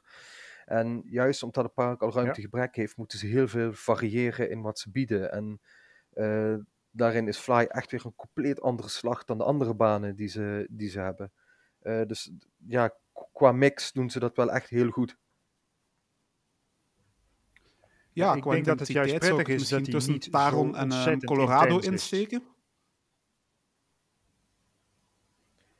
Colorado is natuurlijk al iets meer familieachtiger. eh, ja, maar, maar weer een hele andere ervaring. Colorado is gewoon een vliegt. familieachtbaan. Ja, natuurlijk, ik denk dat enkel de vliegpositie misschien voor sommigen een afschrikmiddel eh, zou kunnen zijn, maar voor de Ja. rest is die baan door heel de familie te doen eigenlijk. Hè. Ja, ik vind het... Ik zou het net niet durven Het klassificeren. is net geen familiebaan, nee. Mo- Mocht dat gewoon met, eh, ja, het is, het is dat hij inversies heeft, maar qua intensiteit qua, van de baanverloop. En je zou het met eh, hangende familiekarretjes doen, dan zou het een familiebaan kunnen zijn qua intensiteit. Oh, daar ga ik Ja. mee akkoord. Ja, Ja, het is, Eh, hij trekt niet echt veel G-krachten, maar eigenlijk maakt dat juist het gevoel van vliegen, vind ik juist veel sterker. Er zitten een paar ja dat is natuurlijk het sterkste punt. Hè. Ja, Vooral als je front zit. hè. Ja, Ja, Front is wel de beste plaats. ehm. ja tenminste van de twee keer dat we hem hebben mogen ervaren. Of, of dat hij helemaal achterin beter is, je, dat weten we niet. Nou ja, die ene plek dat zal niet maken. Op dit moment kan je nog niet je, je plaats uitkiezen. En er is wel een aparte rij voor front row voorzien, maar eh, die is gesloten voorlopig. Ja, er is ook een eh, rij voor singles gezien, voorzien. En dat is uiteraard allemaal dicht vanwege die corona. Helaas. rider zijn vier rijen eh, voor, alle rij, voor de gewone rijen, voor de front seat, voor de single rider en voor de fastpass. Ja, dus, en er was ook één, dacht ik, voor hotelbewoners, niet? Dat is de Dat is die fastpass. vast- Heel bewoners dat is een Fastpass. Vastpas. Alleen op dit moment is Ehm, dat dus ook de enige en, eh, fastpass die je kunt hebben voor Fly. Ik verwacht wel dat die eh net als de Ron in de toekomst ook wel eh, toegevoegd gaat worden aan de gewone fastpass. Eh, want je ziet ook dat de Ron is ingericht om een fastpass rij te hebben. En ook die wordt nog niet gebruikt. Maar ik verwacht wel dat die eh, volgend jaar in gebruik genomen gaat worden als eh, ja, Fly iets meer eh, aan eh, de drukte bij de Ron iets wegneemt. Ja, en als corona toelaat. Uiteraard. Ja. Ehm, Want het heeft geen nut om eh, voor, voor parken om eh fastpassers en dergelijke te introduceren als eh, ja, je, je parkcapaciteit niet op vol vermogen legt. Ik denk niet dat het dan nut heeft. Nee, maar op dit moment is, is het niet echt eh, allee, nuttig om een vastpas eh, in te voeren. eh, behalve dan voor de hotelgasten natuurlijk. Ehm, maar ja, ehm heeft ook een apart systeem voorzien voor, ehm, ja, ehm, voor eh, uw bagage achter te laten. En eh, Want er zijn nergens in het gebied zijn er veiligheidsnetten voorzien. En uh, heeft, heeft, heeft dat meer, meer kunnen doen door er meer ja, lockers te voorzien. En ja, moet je al je grief insteken, ook je, sleutels, gsm, al je losse spullen uit je zak. Die, die moeten eruit, die moeten in die locker. Dat is helemaal gratis. En daarna moet je, naar een, moet je door een metaaldetector. En ja, pas dan kun je de achtbaan betreden. Ja. Ja, dat stoort heel niet. goed geregeld, hè? Ja, en het stoort totaal niet, want uh, zoals André toen al aangaf, van, het past perfect eigenlijk in het thema. Want je gaat vliegen, dus je gaat met een vliegmaatschappij. Wat moet je met een vliegmaatschappij? Ook door een metaaldetector heen. Inderdaad. Dus ja, past, ja, past perfect tussen. Dus stoort totaal niet. Ja, en, en het haalt ook de capaciteit niet naar beneden, want het gaat met een goed tempo gaat het door de controles heen. Ja, en ook ja, het wegsteken er zijn in de twee metaaldetectorpoortjes om door te lopen, dus... Ja, het heeft totaal geen invloed op de, wacht, op de wachtrij ook. Het is uh, net ietsje voor het station gedaan. Ik krijg een armbandje, daarmee kan je je lokker um, registreren en dan kun je je grief daarin smijten en dan ga je een metaaldetector. En als je dan weer, als je dan weer eh, uit de baan stapt, kan je dan langs de andere kant van de lokker met de armbandje weer die, die, langs die kant openen en je grief uithalen en lever je de armbandje weer in. En ga je weer naar buiten. Dus, en het is allemaal gratis, dus uh, ja, dat is echt wel top natuurlijk. Hè. Ja. Uh, sommige parken zouden je daarvoor laten betalen. Six Flags. Ja, onder andere. En wat betreft de capaciteit, ik weet nog dat het ook echt heel erg opviel dat, ja, je staat in de wachtrij, je wil af en toe een foto maken van die baan, en er komt maar geen trein voorbij, en er komt maar geen trein voorbij, en er komt maar geen trein voorbij, en waar de fuck blijft die trein? En desondanks blijft die wachtrij ja, bijna in één stuk doorlopen. Je, je staat bijna niet stil onderweg. Uh, dat, is echt heel... Nee, ik denk uh, dat we maximum 20 à 30 minuutjes hebben gewacht. Ja, zoiets. Afgezien uh, van die ene storing natuurlijk. Ja, goed, maar dat, dat, dat is geen normale dat situatie. Niet, ja, daar kan het park niks aan doen. Zeker niet bij een soft opening en bij een prototype. Uh, laten we zelfs eerlijk zijn, voordat dit een prototype is, uh, heeft hij nog verdomd weinig uh, downtime gehad. Ehm, de Ron had meer problemen en er, er zijn gewoon heel beproefde concepten, klonen van banen die gewoon meer problemen hebben dan dat Fly tot nu toe heeft. Ja, om, inderdaad. Om eventjes terug te komen op die wachtrij, wat ik ook geweldig vind, is dat je eigenlijk bij wijze van spreken daar het hele gebied mee doorloopt. Je begint eigenlijk aan de kant van, de inge aan het, van het station, maar je maakt eerst nog een heel rondje langs Rookburg af, bij wijze van spreken, eer je eraan komt. Het is ook geen veehok. Je ziet elke keer wel iets. Zij het aan de ene kant een beetje decoratie in de wachtrij zelf, of gewoon uitzicht over het hele themagebied. Ja, ja het is ook geminering ik vind wel dat ze zich in de wachtrij af gewoon echt te makkelijk ervan afgemaakt hebben met uh, zwarte golfplaten te gebruiken. Natuurlijk, het, het past wel enigszins in het thema, maar ja, zeker omdat de rest eerder uh, endt op, op roestige uh, oppervlaktes en dergelijke, um, vind ik op een gegeven moment het, het, de zwarte golfplaten iets te veel aanwezig in, in, in de wachtrij. Um, ik, wellicht dat dat ook een tijdelijke situatie is en dat dat later ook nog verbeterd wordt. Uh, want we hadden het ook al, ik dacht dat het Wim was die erop duwde, dat het toch wel raar uit was. Ik zag dat van die ramen er eigenlijk als het ware gewoon opgeplakt waren, wat een beetje ja, gek uitziet. Ja, die, ja, die, die shapesfensters eigenlijk. Ja. Ja, dus ik vermoed dat er nog, dat er, allee, dat er nog iets aan gedaan moet worden dat daar voorlopig nog iets achter ligt wat ze nog moeten afwerken, wat we nog niet willen, dat, wat ze nog niet willen dat we zien. Ja. En, en um, ik moet zeggen, er zijn toch een paar dingetjes waarvan ik denk, dat, dat vind ik een beetje jammer. Um, net werd al die trailer genoemd, uh, door dat, CGI, dat Fly door dat CGI-landschap gaat. En dan zie je dan bijvoorbeeld op een gegeven moment ook die vlammen onder al die ovens staan.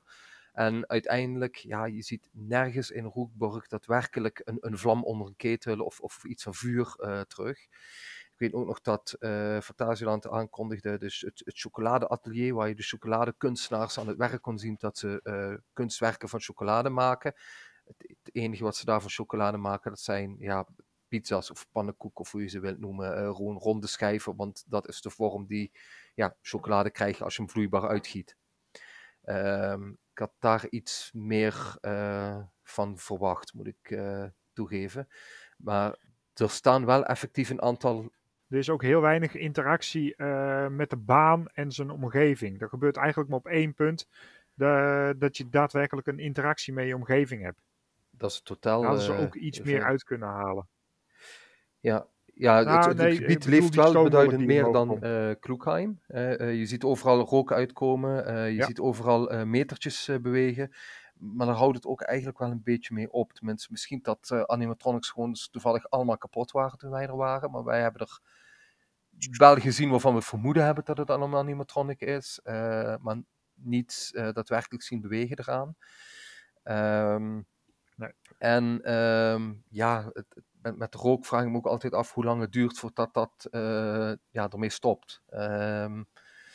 Eh, en ik- ja, Ja, juist is daarin mis ik duur, iets, iets, ja precies. En daarmee mis ik toch wel iets meer daadwerkelijk bewegende elementen in het themagebied. Eh, die metertjes zijn leuk, eh, maar dat, ja, dat, dat, doet relatief weinig aan het geheel. Eh, dus nu ziet dit er nog allemaal tip-top uit. eh, maar ook daarvan vraag ik me wel een beetje af hoe dat in een paar jaar is. Kritiek zie je wel vaker terugkomen op dat vlak. want bijvoorbeeld ook bij Chiapas, om eens wat te noemen, zie je dat het rookkanon heel vaak niet werkt. Of dat de animatronic die er zit heel vaak stilstaat. Eh, de laatste tijd gaat dat trouwens weer heel erg goed. Eh, dus ik hoop dat ze dat blijven volhouden en dat steeds blijven bijvullen.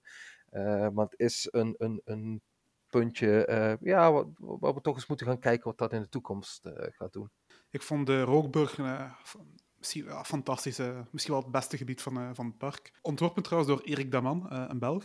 Die ook, ja, die ook wel vast voor Fantasieland werkt. Die heeft onder meer Wuzetown gemaakt, Ma- Mouse Chocolat, eh Kloegheim en Taron, onder andere Black Mamba. Ik vraag me af of dat hij, nu, eh, of, of dat hij Fly nu zou uitproberen. Want eh, ja, van hem is geweten dat hij niet echt zo'n achtbaan eh, van is, dat hij er toch niet zo goed tegen kan. Want eh, Taron heeft hij bijvoorbeeld ook nog niet uitgetest. Dus eh, ik vraag me toch af dat hij in Fly zou durven stappen. Het is toch wel opmerkelijk dat zo iemand dan... Allee, je ontwerpt dat dan allemaal, maar dan ga je uiteindelijk, of durf je er uiteindelijk zelf niet in. Je weet Ja. dat de originele maker van eh Rollercoaster Tycoon eigenlijk ook niet in achtbanen durfde. Chris Sawyer. Ja, Ja, dat is het eerste wat ik daarvan hoor. Ja, dat is ook de eerste keer. Zover ik weet is Chris een gigantische Nee. Hij, achtbaanliefhebber. hij, Hij, hij was, een, hij was een geworden. Achtbaan-fan en daarmee dat hij daarmee eh, begonnen is, eh, inderdaad. Maar er was, geloof ik, lang daarvoor wel een, een, een angstmoment. maar dan again, ik ken ook heel veel mensen in achtbaanverenigingen die eh, daar vroeger heel veel schrik voor hadden. En nu ja, dan dus lid zijn van de Achtbaan Fanclub. eh, ja, ik bijvoorbeeld. Eh, of ik, inderdaad. Ehm, voordat we verder gaan, is het nu, eh, gaan we eerst naar het TPW'tje. En TPW'tje gaat vandaag ook over flying coasters. Ehm, wisten jullie dat België heel dicht stond bij zijn eigen Vekoma flying coaster, de Vekoma Flying Dutchman eh, van in der tijd, van eh, rond de 2000? W- ehm, wisten jullie dat? nee. Nee. Ja. Nee, en ehm, als, jullie, als jullie zouden denken van één Belgisch park, welk Belgisch park zou nu een Flying Dutchman flying coaster kunnen, eh, kunnen zetten hebben? Boudewijnpark. En Belle waren. Ja, Klopt ze in het door is geen Hasselt. West-Vlaams park. Nee, een beetje dichter bij... Oh, ja. Vooral ook indoor, ja. Dat bestond toen nog niet. eh. Nee, het, het gaat over Bobbejaanland. Ehm Bobbejaanland stond heel erg dicht bij de komst van een Vekoma flying coaster. Godverdomme En, op je eh, hand. Elke keer, hè. Die hadden dus de keuze tussen een eh, flying coaster, een Vekoma tilt coaster of een achtbaan die iets meer dan 90 graden drop doet. En ze kiezen uiteraard voor die versie. Ah, dat doet gewoon nu nog steeds pijn. Ja, dus ja, we spreken nu, nu over de plek waar eh, Typhoon staat. Ehm, daar stond vroeger de Looping Star, een oude Schwarzkopf coaster. En eh, ja, die was op het einde van zijn Latijn. eh, het onderhoud werd te duur voor het park, dus ja, het park wou die vervangen. En ehm, ja, dus een van de mogelijkheden was een flying coaster van Vekoma. Helaas niet van gekomen. En om die flying te, te zetten, zouden er ook nog twee flatrides die naast Looping Star la- lagen. ehm, de Troika en de Breakdance, als ik me goed herinner. Die zouden ook moeten verplaatst worden of, of weggaan. Ehm, het was niet zo evident om voor die flying coaster te kiezen. Langs de andere kant, die flatrides zijn later sowieso weggegaan. Dus Ja, maar hadden ze het, dan eh, niet kunnen kiezen voor bijvoorbeeld het Stingray-concept? Dat Die bestond bestond toen toen nog niet. Stond dat toen nog niet? Nee, dat was... eh die, nee, die, die Stingrace is in 2009 geopend. En ehm, ja, en eh, Typhoon en, eh, en, en, en de verwijdering van, van eh, Looping Star is nog wel iets vroeger. Ehm, Want ehm, Dat was nog na de op faillissement een van beurs in Vekoma. Düsseldorf in 2000... Ja, het is in 2002 was Jackie Schoepen, de, de zoon van de toenmalige van de wijlen Bobby Allen Schoepen, die was op een beurs in Düsseldorf En ik zag daar model staan van Gerslauer. En eh, ja, die was, daardoor raakte hij daarover overtuigd. En daardoor hebben ze die keuze gemaakt. ehm Typhoon. Dus nu daardoor hebben wij ehm, ja, Typhoon en geen Vekoma Flying Coaster in lichtaard. En elke Belgische pretparkfan vervloekt Jackie nog altijd tot op vandaag. Kijk, op zich snap ik dat hij voor Typhoon heeft gekozen. Want het ding ziet er best mooi en knap uit. Alleen ja, ritcomfort technisch is gewoon helemaal niks. Nee, het is ook een van de eerste Eurofighters van, van Gerslauer. Het was heel goedkoop, want het paste op de ruimte van eh, de Looping Star. Ze hoefden daar niks voor te doen. Het is een, eh, in principe een transportabele achtbaan. Hè. Er, of, er zijn geen voeters nodig eh, die gestort moeten worden. Het ding kan gewoon op de beton gezet worden. Het, het, is letterlijk de, de, de cheap-ass optie die ze gekozen hebben uiteindelijk. Ik denk dat dat uiteindelijk ook meer Ja. van invloed is geweest dan daadwerkelijk het, hoe de baan eruit ziet. Eh, want als je kijkt naar eh, de concepten van die tilt en die eh, flying coaster, die zagen er ook behoorlijk spectaculair uit hoor. Ja, ik heb nog, ik weet nog in de tijd dat ik nog wel een concept van die Flying Coaster heb gezien of zoiets dergelijks. Ik heb nu proberen terugzoeken, maar vind er absoluut bijna niks meer van terug, helaas. Ehm, ik heb ook altijd gehoord dat familie Schoepen zelf als eis had gesteld dat op de plek van de looping van Looping Star, dat daar ook een looping zou moeten komen bij de vervanger. En bij Typhoon was dat heel gemakkelijk en die Flying ook wat moeilijker. Ja, dat aspect zal ook eh, misschien meegespeeld hebben. Helaas. Het kan verkeren. eh. Ja, dat is ook echt een, een zo'n onnozele reden dan. Ja, er moet op die plek de looping komen. Maar wat je nu dus krijgt, is dat er echt veel mensen zijn geweest die gedacht hebben dat ze gewoon de looping star een upgrade gegeven hebben. Ja, Wat? Dat, nee, dat, dat- Wat? Ja, ja best veel leken die dachten dat ze gewoon wat nieuwe stukken erbij gezet hadden op de, op de looping star. Dat is, ja, leken. Oh mijn god. Eh, Ja, ja. zelfde Ik moet eens kleur, met de locatie, eh, van de interessante looping. content op. Maar... Ja. Ja, ja, ja. Ja, ja. We moeten daarop zeggen. Niks zinnigs. Niks zinnigs. Eh, kan je beter zwijgen. eh. terug naar Fantasia, uh, naar Rookburg. Ehm, want Fly is niet de enigste nieuwigheid eh, die zich opent hebben in die zone. De snoepjeswinkel. De snoepjeswinkel, eh, ja. En daar heb jij een mooie zak snoepjes gekocht, Wim. Is die Ja. al op ondertussen? Eh, ja, eh, hij is thuisgekomen. Toen zat hij nog half vol. En ehm, twee dagen later was hij leeg. En ik heb ze niet op. oei oei. En heb je de, de lening van de bank die je ervoor moest opnemen al eh, kunnen afbetalen? Nog steeds niet. Dat doe ik in delen over verspreid 40 jaar. Want het spul is knap duur daar. Hoeveel heb je nu betaald voor die zak? Voor Die zo'n volle zak, zak? ehm, eh, ik, ik schat dat het ongeveer eh 300 gram was. Het kostte bijna 9 euro. Dat is stevig, ja. Dat Ja. is inderdaad wel pijnlijk. Hopelijk heeft het wel gesmaakt. Blijkbaar wel, want het is op. Ik kan zelfs Ja. de plastic zak niet meer terugvinden. Dus, eh, Kijk, de chocolade die daar eh, gemaakt wordt, die wordt echt, eh, dat, dat is als het ware een beetje hun eigen merk. Die wordt daar ter plekke gemaakt, dat die aan de prijzige kant is. Dat, dat, dat snap ik best. Eh, je hebt dan ook de kwaliteit na Vlaand, want het is wel iets speciaals. eh, en dat, dat, dat zie je er direct wel aan af. Maar die snoep, dat is echt heel erg standaard schepsnoep die je in bijna elke winkel krijgt. En dan ja, vind ik de prijzen wel erg, eh, erg hoog liggen voor, voor wat het is. zelfs voor een pretpark ligt het hoog. Want Walibi Nederland is goedkoper met een schepsnoep. Ja, en dat terwijl Fantasieland normaal gesproken juist heel, heel, eh, ja, heel redelijk is met de prijzen is. van alles. Maar blijkbaar kunnen ze het doen, want er zijn er toch mensen die het kopen, zoals Wim. Ja, Ja. Maar daar eh, is je ook opgevallen dat nergens daar van tevoren een prijs hangt van zoveel kost per 100 gram? Jawel. kom je pas eh, achter bij de kassa.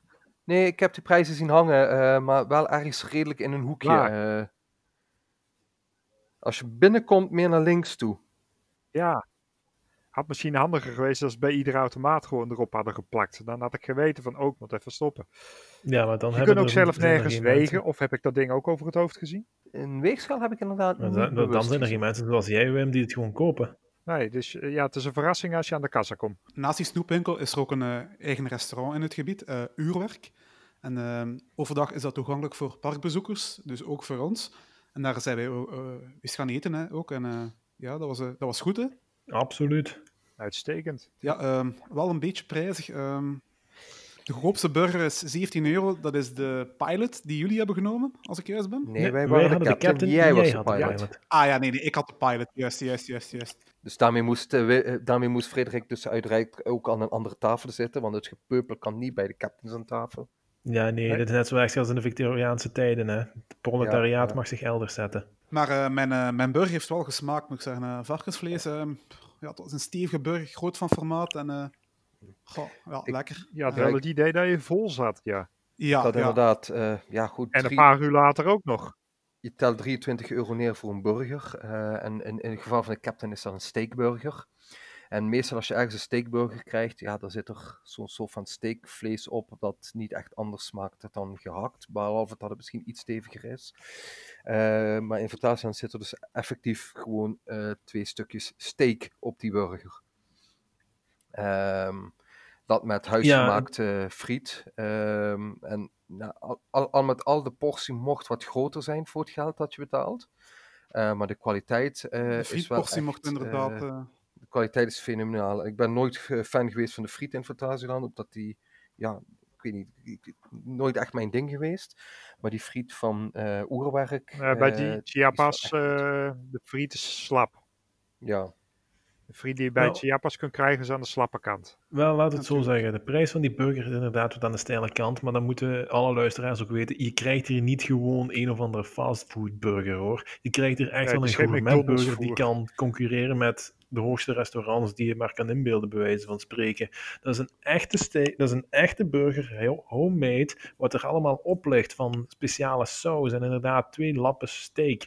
Die zelfgemaakte frieten, die saus die erbij is, dat is echt fantastisch. Eh, gebrakken carpaccio. ja, die saus was wel goed, ja. Ja, er zat nog gebakken inderdaad. carpaccio op, er zat nog kaas op, een spiegelei. Eh mogen we niet Ja, vergeten. oh, Eh, ja, ja, rucola sla en een, eh, inderdaad een eigen gemaakt sausje op een eh, fluffy eh, bruin broodje. Het was ongelooflijk goed. ja Ik geloof trouwens niet dat ik iets heb laten liggen. Normaal gesproken Nee, gaat het groenvoer bij mij toch wel een beetje aan de kant. Maar dat is zelfs dit keer mee verdwenen. Dus Ja, Hebben jullie die burger trouwens met jullie handen kunnen eten? Want die was echt wel groot, hè? nee, ik heb hem in delen Nou, gegeten. het- Ik heb hem gewoon compleet ontleed. het, het formaat qua grootte vond ik niet buitengewoon. Ehm het, het, het is, de hoogte is, eh, de dikte is, eh, ja, hij is redelijk dik. Eh, maar de omtrek is ja, vergelijkbaar met wat je ook bij een McDonald's of zoiets krijgt. En als je bijvoorbeeld een Whopper hebt bij de Burger King, die is beduidend groter hoor. Ehm, Die is groter. maar ik denk niet, ja, eh, ik denk dat het Fantasieland iets Ja, doet die hier wel bewijst dat size doesn't matter. Ehm zoals gezegd, de burger is wel dik. Ehm, en het, ja, het, het, het, is, eh, het is steak, hè. en dat, dat, ja, dat, dat is bijna niet te doen om dat gewoon zo te eten. Dus je moet het wel echt snijden. Ja, ik heb bestek gebruikt. Ik heb het geprobeerd Er zijn zonder natuurlijk bestek, wat maar eh, het, meer eh, dan enkel burgers. Dat zagen we. Ik heb er tot nu overal. toe echt Ehm, maar één Ik heb, ik heb hem ook met mijn handen opgegeten. Ik heb tot nu toe echt maar van één persoon een report gelezen over iets dat niet een burger is in oerwerk. En dat waren de, de, die, die, die eh, deegtasjes die gevuld zijn met iets, ja, ik weet niet. eh, bijvoorbeeld over de pasta heb ik nog eigenlijk heel weinig gehoord. eh, en ook de, de, de andere dingen nog vrij weinig. Ehm, dus ja, Ze hebben eh, inderdaad ook nog pastas, dumplings, pokeballs en Oh ja. frieten met toppings erop. Ja, ja de friet hebben met topping nog, die ja. worden geleverd met een burger. En daar lees je ook wel veel goeds over. Dus dat schaar ik ook gewoon even onder de burgers.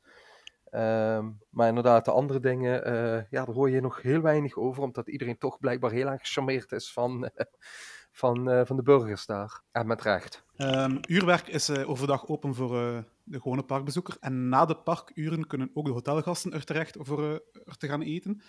Want ja, Fantasieland heeft ook een derde hotel aan zijn park toegevoegd in Rokenburg. Eh, het Charles Lindbergh Hotel. En ehm, ja, dat is niet echt zo een traditioneel hotel, want hier slaap je in cabines en niet zozeer in klassieke kamers. En natuurlijk allemaal volledig sterk gethematiseerd rondom de luchtvaart. Hebben jullie wel eh, interesse om daar eens een nachtje te gaan overnachten? Absoluut. Ja, dit is de eerste keer dat ik daadwerkelijk interesse krijg in een overnachting in Fantasieland. Nou, dat is gelijk, eerlijk gezegd. Ik vond het Het eerlijk gezegd al, allee. al, al spijtig eigenlijk dat we na ons uitstapje daar naartoe niet meer de tijd hadden. Dat, het was door de week, we moesten er nacht naar werken.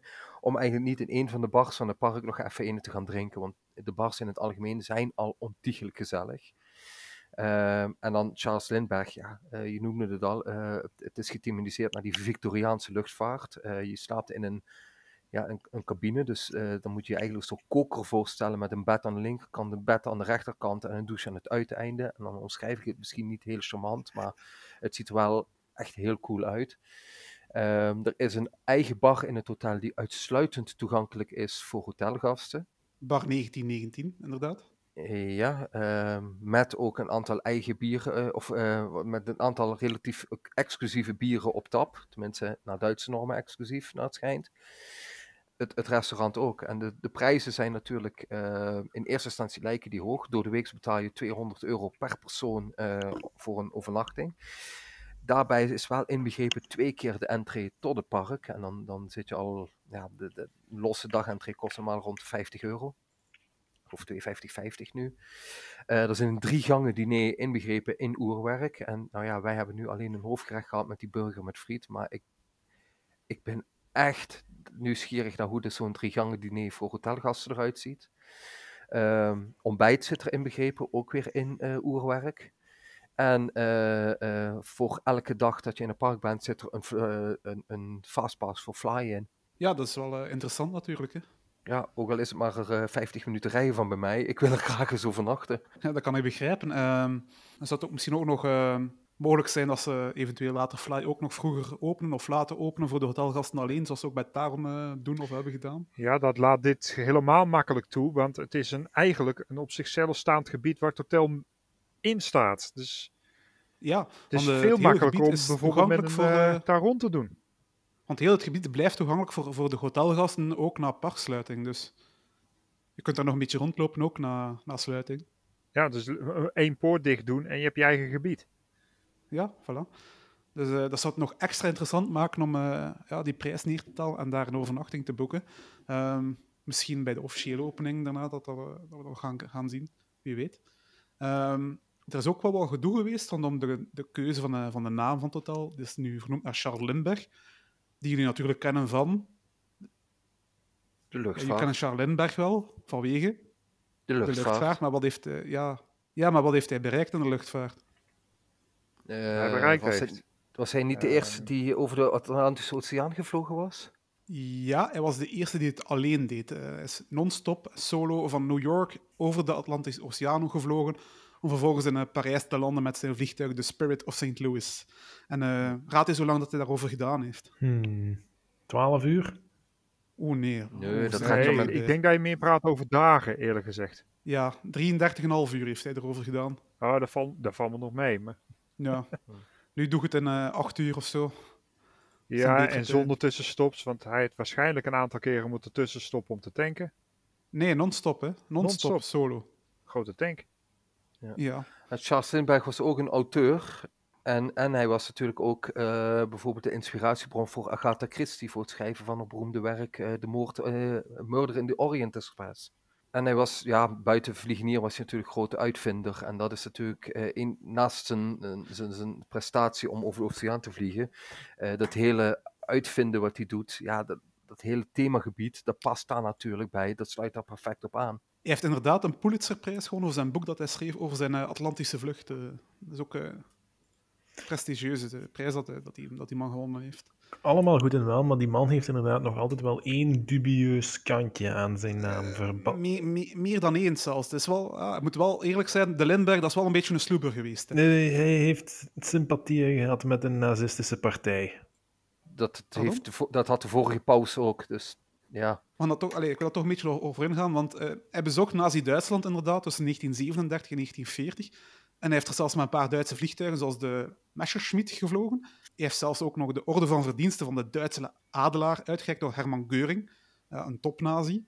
En uh, die, die, onderscheiding die hij kreeg, die is door de Führer zelf opgericht. En in de tijd toen de Wereldoorlog 2 uitbrak, um, waar, kwamen er stemmen op om, voor, dat hij die onderscheiding allee, beter zou afstaan. En, uh, maar die heeft dat zelf altijd geweigerd. Hij zegt van, ik zie daar geen heil in om, om, om af te staan. En ehm, ja, zijn toenmalige vrouw heeft destijds ook in haar dagboek geschreven dat eh, Adolf Hitler, en ik quote nu, een groot man is. En hij is een inspirerende religieuze leider, een mysterieuze visionair die het beste voor heeft met zijn land en de wereld. Dus er zijn, allee, zijn toch wel tekenen dat er een duister kantje is aan, aan, aan de Lindbergs. Uh, dat klopte eigenlijk best. In grote lijnen klopte dat wel. Alleen het beste met de wereld voor hebben, dat had hij echt overduidelijk niet. Ja, voor zijn volk wel, maar ja, de rest niet. Ja. Ja, ik zou ook niet echt zeggen dat hij voor zijn volk goed gehandeld heeft, als je ziet dat... Uh, nee, nee. In, in die tijd moet je wel ook voorstellen dat de meeste mensen ook niet wisten wat er uh, op, op de achtergrond afspeelde. Hè? Um, Hitler werd gepresenteerd als iemand uh, die heeft de autoweg uitgevonden, die heeft de radio uitgevonden, die heeft ervoor gezorgd dat ieder, iedereen een radio kreeg, die heeft ervoor gezorgd dat iedereen een auto kon veroorloven. Um, dus, dus, voor het gewone publiek uh, was die man een held in die tijd. En het heeft behoorlijk lang geduurd voordat die toestanden zoals ze in Auschwitz bijvoorbeeld plaatsvonden, dat die aan het daglicht kwamen. Ja, en dan is het uh, ja, schrikken geblazen natuurlijk. Nou, dat vind ik wel een beetje makkelijk. Uh, excuus, het klassieke, wie raam dat je niet uh, gewoest. Maar, allee, sorry, de Duitsers, de Joden die daar toen woonden, waren ook even goed Duitse burgers. En die zijn vanaf het begin, en die daar echt wel ja, ja zwaar, noemde, gehad, zwaar te verduren gehad. Allee, dat je noemde net zelf al dat, hij die orde, dat Charles um, Lindbergh die orde kreeg eigenlijk ruim voor de oorlog. En dat toen de oorlog uitbrak, ja goed, dan nog teruggeven heeft ook geen nut meer. Uh, verdient nou, ruim voor de oorlog, ja, drie, ja. drie jaar. Dus... Is drie jaar voor de start van de oorlog daar, naar, naar daar geweest. Ja. En, en hij is, er is effectief ook een foto van Lindbergh waarop hij Hitler goed brengt. Hè. Dat is hey, zwart op wit. Ja, ja, maar dat was voor dus, de oorlog, allee, dat was voor de Jodenvervolgingen. Dus, ja. Dat was nog in de tijd dat Hitler daadwerkelijk. Mm, nee, dat was niet. Voor uh, de, daadwerkelijk nog. Uh, voor het gewone volk, hun op, uitzicht, voor wat hun konden zien, een, ja, iemand was die inderdaad het beste voor leek te hebben met de wereld. Ja, maar in die moment was het ook wel al echt duidelijk wat er, dat de Joden niet goed gezind waren hoor. Dat bedoel, dat is niet pas begonnen met het uitbreken van de oorlog, dat is al verder voor begonnen. Het Duitse volk heeft gewoon een oogje dichtgeknepen ten opzichte van die behandeling van de Joden, omdat zij het toevallig beter hadden door Hitler. Ik moet wel zeggen, in die tijdsgeest um, was antisemitisme was dat bon ton en um, ja, nu is, wordt dat al, algemeen veroordeeld in die tijd kwam het wel meer vaak voor. Een, uh, dus ja. En uh, ja. wat ook in, in, de verdediging van Lindbergh een beetje spreekt, want hij was wel uh, lid van de America First-beweging. Dat is nu weer een term die we vandaag de dag ook weer kennen, dankzij de huidige president van de Verenigde Staten. Maar dat is een, een beweging die ervoor pleit om bij de, bij de uitbraak van Wereldoorlog II ervoor pleit om Amerika, de Verenigde Staten, neutraal te houden en niet in de oorlog te stappen. En ehm, ja, vanaf dat de, ja, de aanval op Pearl Harbor gebeurde, heeft, heeft Lindbergh zich ingeschreven bij het Amerikaans leger. En uh, uh, wat hij dus wel uh, gaan vechten tegen de, tegen die Japanners, die dus, ja, na die aanval de oorlog hebben verklaard aan, aan Amerika.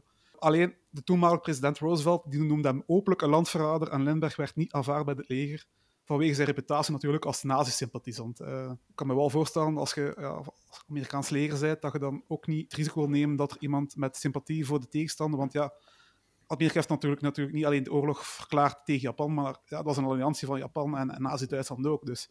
Mm -hmm. um, en Limburg heeft zich dan wel aan, uh, als consultant aangeboden bij een aantal vliegtuigbedrijven om dan, om dan toch zo zijn steentje bij te dragen uh, voor zijn land. En uh, is toch nog in geslaagd naar het slagveld te gaan in de Pacifische Oceaan. En daar heeft hij toch nog tot 50 gevechtsmissies uitgevoerd. Dus ja, ja op het einde heeft hij misschien toch wel zijn fout nog rechtgezet um, op dat vlak. Um, van zijn nazi-sympathie, ja, de man is dood, daar gaan we nu nooit meer het fijne van weten. Uh, we kunnen enkel maar zeggen van ja. Ja. ja. Ik vind het um, een beetje ja, hypocriet om daar, daar heel veel aan op te gaan hangen. Want ja, je, je noemde net zelf al, de tijdsgeest was toen gewoon anders. En heel veel mensen ja, die waren een beetje gebrainwashed uh, en, en die wisten gewoon echt niet beter. En zoals gezegd, de paus zat ja, in, de, in, in de Hitlerjugend. Hè, uh, en, en zelfs die is toch paus kunnen worden zonder enige problemen. Uh, ja, goed. dan, dan, dan praten we het toch over in zekere zin een wereldleider. En niet over de fucking naam van een hotel. Op, Het was, het was nog wel een donker kantje aan Lindbergh. En nazi-sympathisant of niet, maar de beste man was ook berucht vanwege zijn als een omdat hij een aanhanger was van de eugenetica. En uh, dat, is, dat is ook een belangrijk onderdeel van de nazi-doctrine. En dat is ja, eugenetica, dat is, of, rasverbetering, dat is het onderzoek naar het verbeteren van de genetische samenstelling van de populatie. Ja, dat is nogal vrij onomstreden. Dat zijn bijvoorbeeld men, die zeggen bijvoorbeeld handicap, dan kunt je beter bij de geboorte aborteren. Of, of en um, ja, En hij is er een aanhanger van, maar er is ook een incident geweest in 1932 met zijn eerste zoon. Hij heeft in totaal zes kinderen gehad. Ehm, zijn zoon Charles Junior is ontvoerd en vermoord geweest. En die jongen was twee jaar, amper twee jaar, en is dood bij zijn huis teruggevonden, vermoord. En de politie heeft dan eh, een of andere Duitse immigrant opgepakt, uh, Bruno Hauptmann. En uh, die werd snel berecht en heeft snel de doodstraf gekregen. En die man heeft wel altijd echter zijn onschuld uitgeschreeuwd. En zo denk van, ja, de meeste mensen die iets uitges uitgesproken hebben, zullen wel zeggen dat ze die gedaan hebben. Dat zou niet eerste zijn. Maar uh, het is wel opmerkelijk aan deze zaak dat Limberg kort voor die ontvoering naar een totaal afgezonderde plek is verhuisd. En uh, het politieonderzoek volledig georchestreerd heeft tot in de detail en verbood om zowel pers als politie met het huispersoneel te spreken. Dus allee, dus de politie heeft in moordonderzoek uh, het huispersoneel van, van meneer Limberg niet eens kunnen ondervragen om, te zeggen van, hebben die iets gezien, weten die iets? En ook nog heel belangrijk in dit hele verhaal is, zijn, zijn kind was verstandelijk gehandicapt. Dus als vervent aanhanger van die eugenetica is nog altijd die waas blijven rondzweven dat hij zijn eigen zoon zou vermoord hebben. Ja. Dat klinkt inderdaad wel wat verdacht. Natuurlijk, ja, Limberg verdient zijn, uh, zijn, zijn vleugels voor zijn uh, prestaties in de luchtvaart, maar die man is echt niet onbeschreven. En uh, zelfs na zijn dood is nog wel, nog wel wat dingen uitgekomen. Ook, want ik zei het al, ah, Limberg dat is, dat is echt wel sober geweest, ook, ook op privévlak. En Limberg overleed in 1974 aan kanker. En in 2003, twee jaar na de dood van zijn vrouw, Anne Morrow, ja, dan bleek dat, de, dat de meneer Limberg gewoon drie, drie geheime gezinnen had gesticht in Europa en zeven buitenechtelijke kinderen had. Dus... Goed bezig. Ja, de beste man is... Uh... En dat is een reputatie die piloten tot op de dag van vandaag nog steeds hebben, trouwens. ben jij dan de uitzondering op de regel?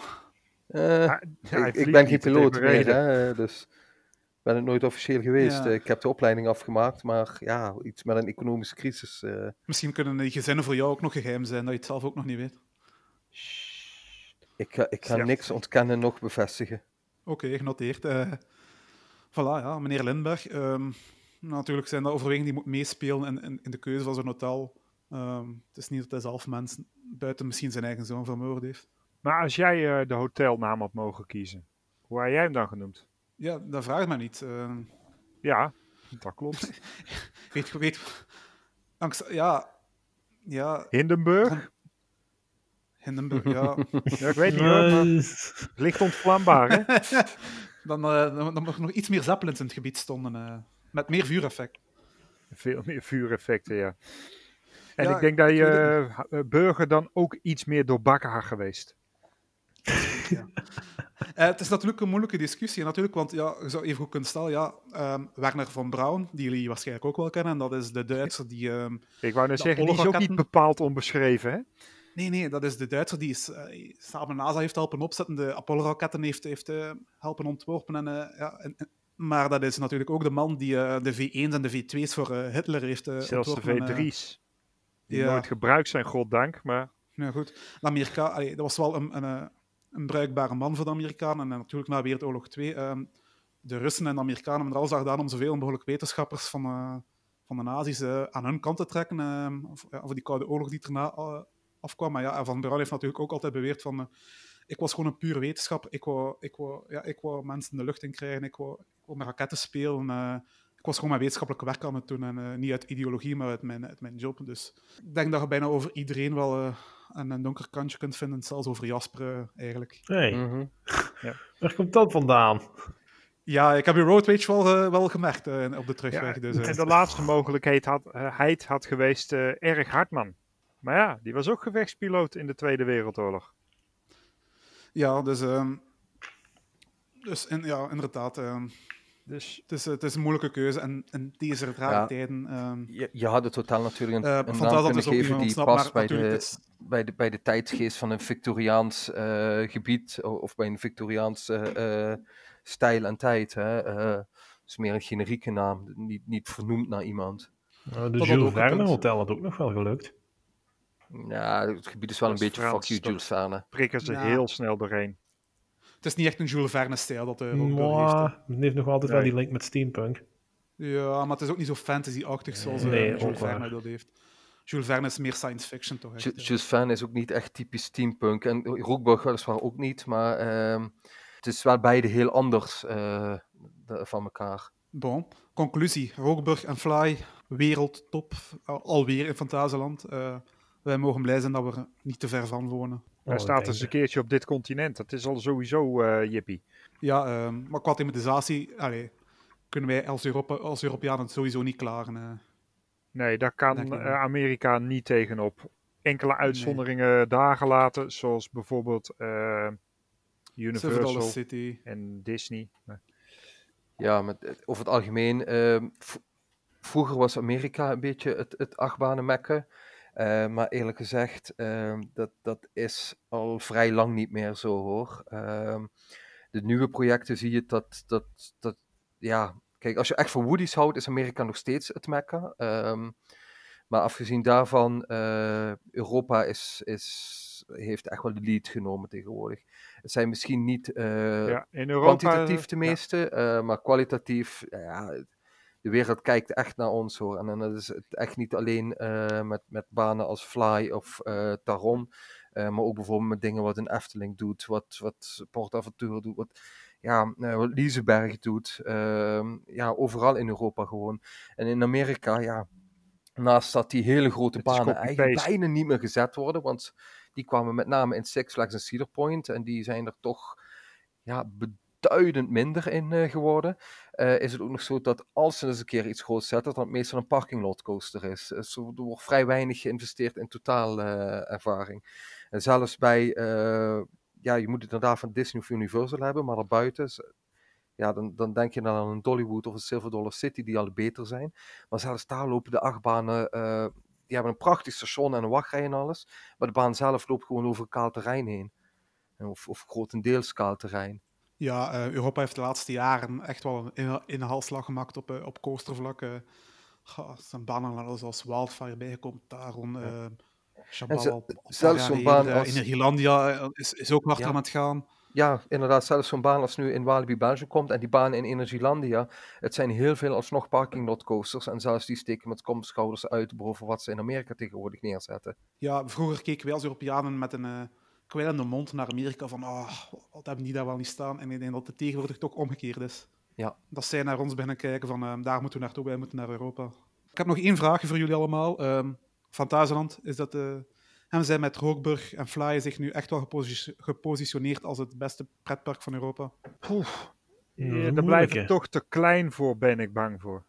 Speelt Ja, dat toch echt wel een rol? Ja, nou ja, ik, ja, ik weet niet. Eh, ondertussen is Fantasieland eh, bijna niet meer te doen op een dag. Hè? Eh, ik bedoel, wij hebben nergens lang in de rij hoeven te staan en hoeveel hebben we niet gedaan. Eh, en, en zeker als je nog eens een show We hebben wilt Rijk niet zien gedaan. of Zo, hè?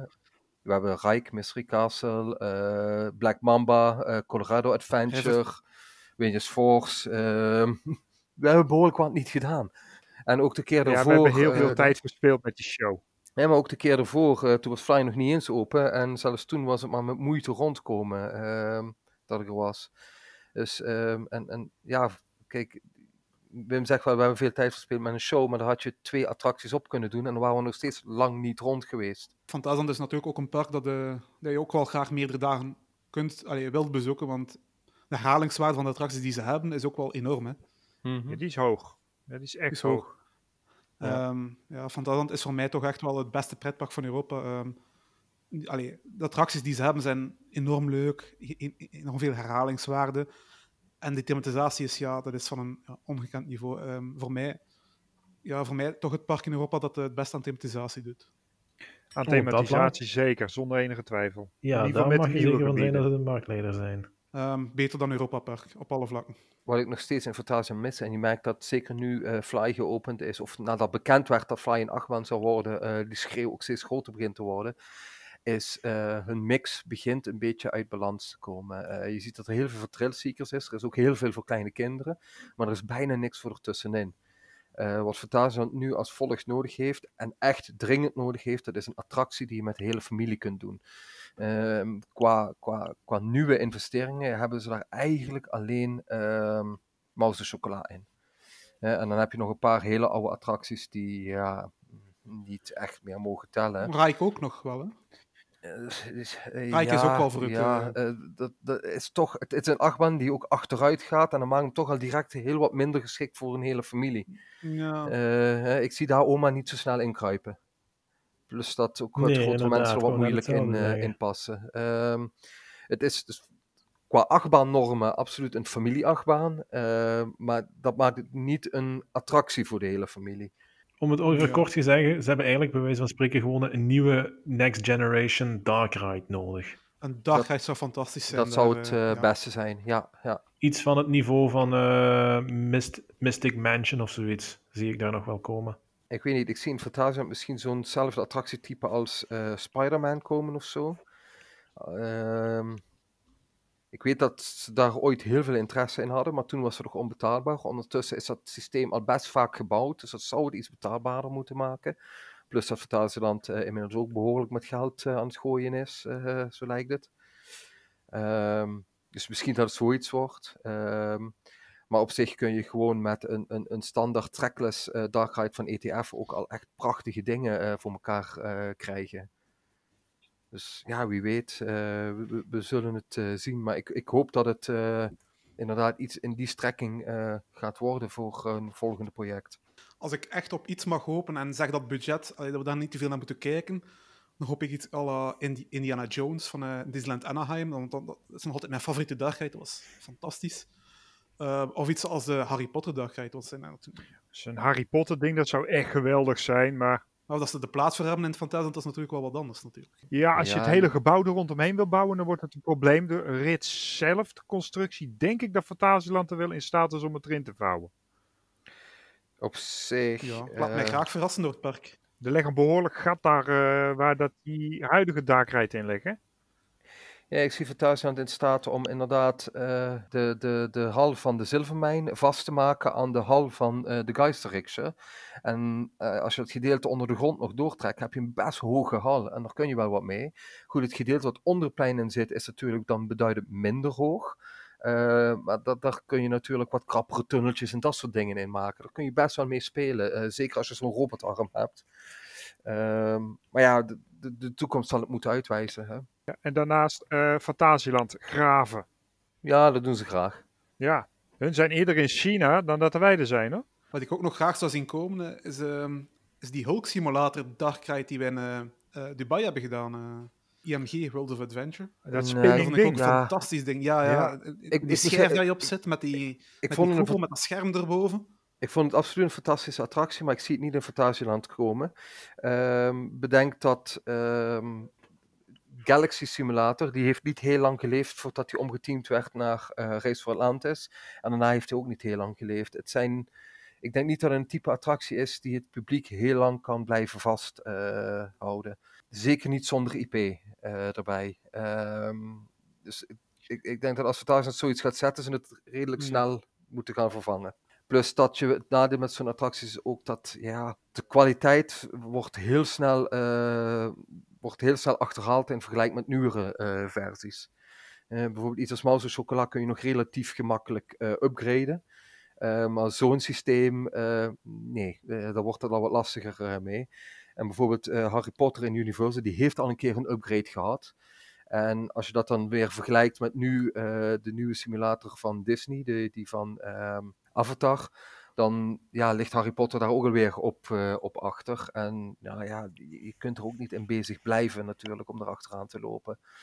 Ehm, en ja, ik, ik denk ook niet dat het een attractie is die zonder IP heel lang gaat blijven, blijven lopen. Maar ja, een mens mag hopen. Misschien dat we dat type attractie nog ergens anders in de buurt eh, te zien krijgen. Ik hoop van wel, want was Misschien Futuroscoop, dat zou perfect Ehm, zijn voor hun. Ja, of Disney. In de studios. Ja, Dat is toch ook perfect Ja, een avatar. Hè? Dat is nu echt wel dringend tijd voor de achtbaanpartij. Zet al die zakkenwassers maar in zin en ondergoed. De achtbaanpartij, het moet. België heeft zijn regering ge- gevormd. En helaas, de achtbaanpartij is niet in de regering. Maar wij beloven een eh, sterk oppositiebeleid om nog meer achtbanen en nog meer pretparken in België te garanderen. En eh, daarvoor hebben we weer een nieuw standpunt ingenomen. En deze week is ons standpunt RMC. De achtbaanpartij wil voor elke Belgische burger een RMC-coaster in zijn straal van 25 kilometer ter beschikking stellen. Dus elke Belgische burger moet binnen de 25 kilometer van zijn huis naar een RMC-coaster kunnen gaan. Eh, serieus. Vind je dat een goed plan, Jasper? Kregen om niet in, in, in de coalitie te komen. Ik bedoel, alle partijen zitten in de coalitie behalve de winnaars. Wel, laten we Ja. het zo zeggen. We zijn, de achtbaanpartij is benaderd geweest, maar toen ze onze eisen hoorden, hebben ze gezegd van, nee, misschien volgende keer. Zij wouden meer voor Zampela-coasters in plaats van RMC-coasters. Dat konden we ons echt niet in vinden. Ook al zijn Zampela-coasters ook coasters. Maar ja, Ja, maar het is toch America first en dan pas Italië.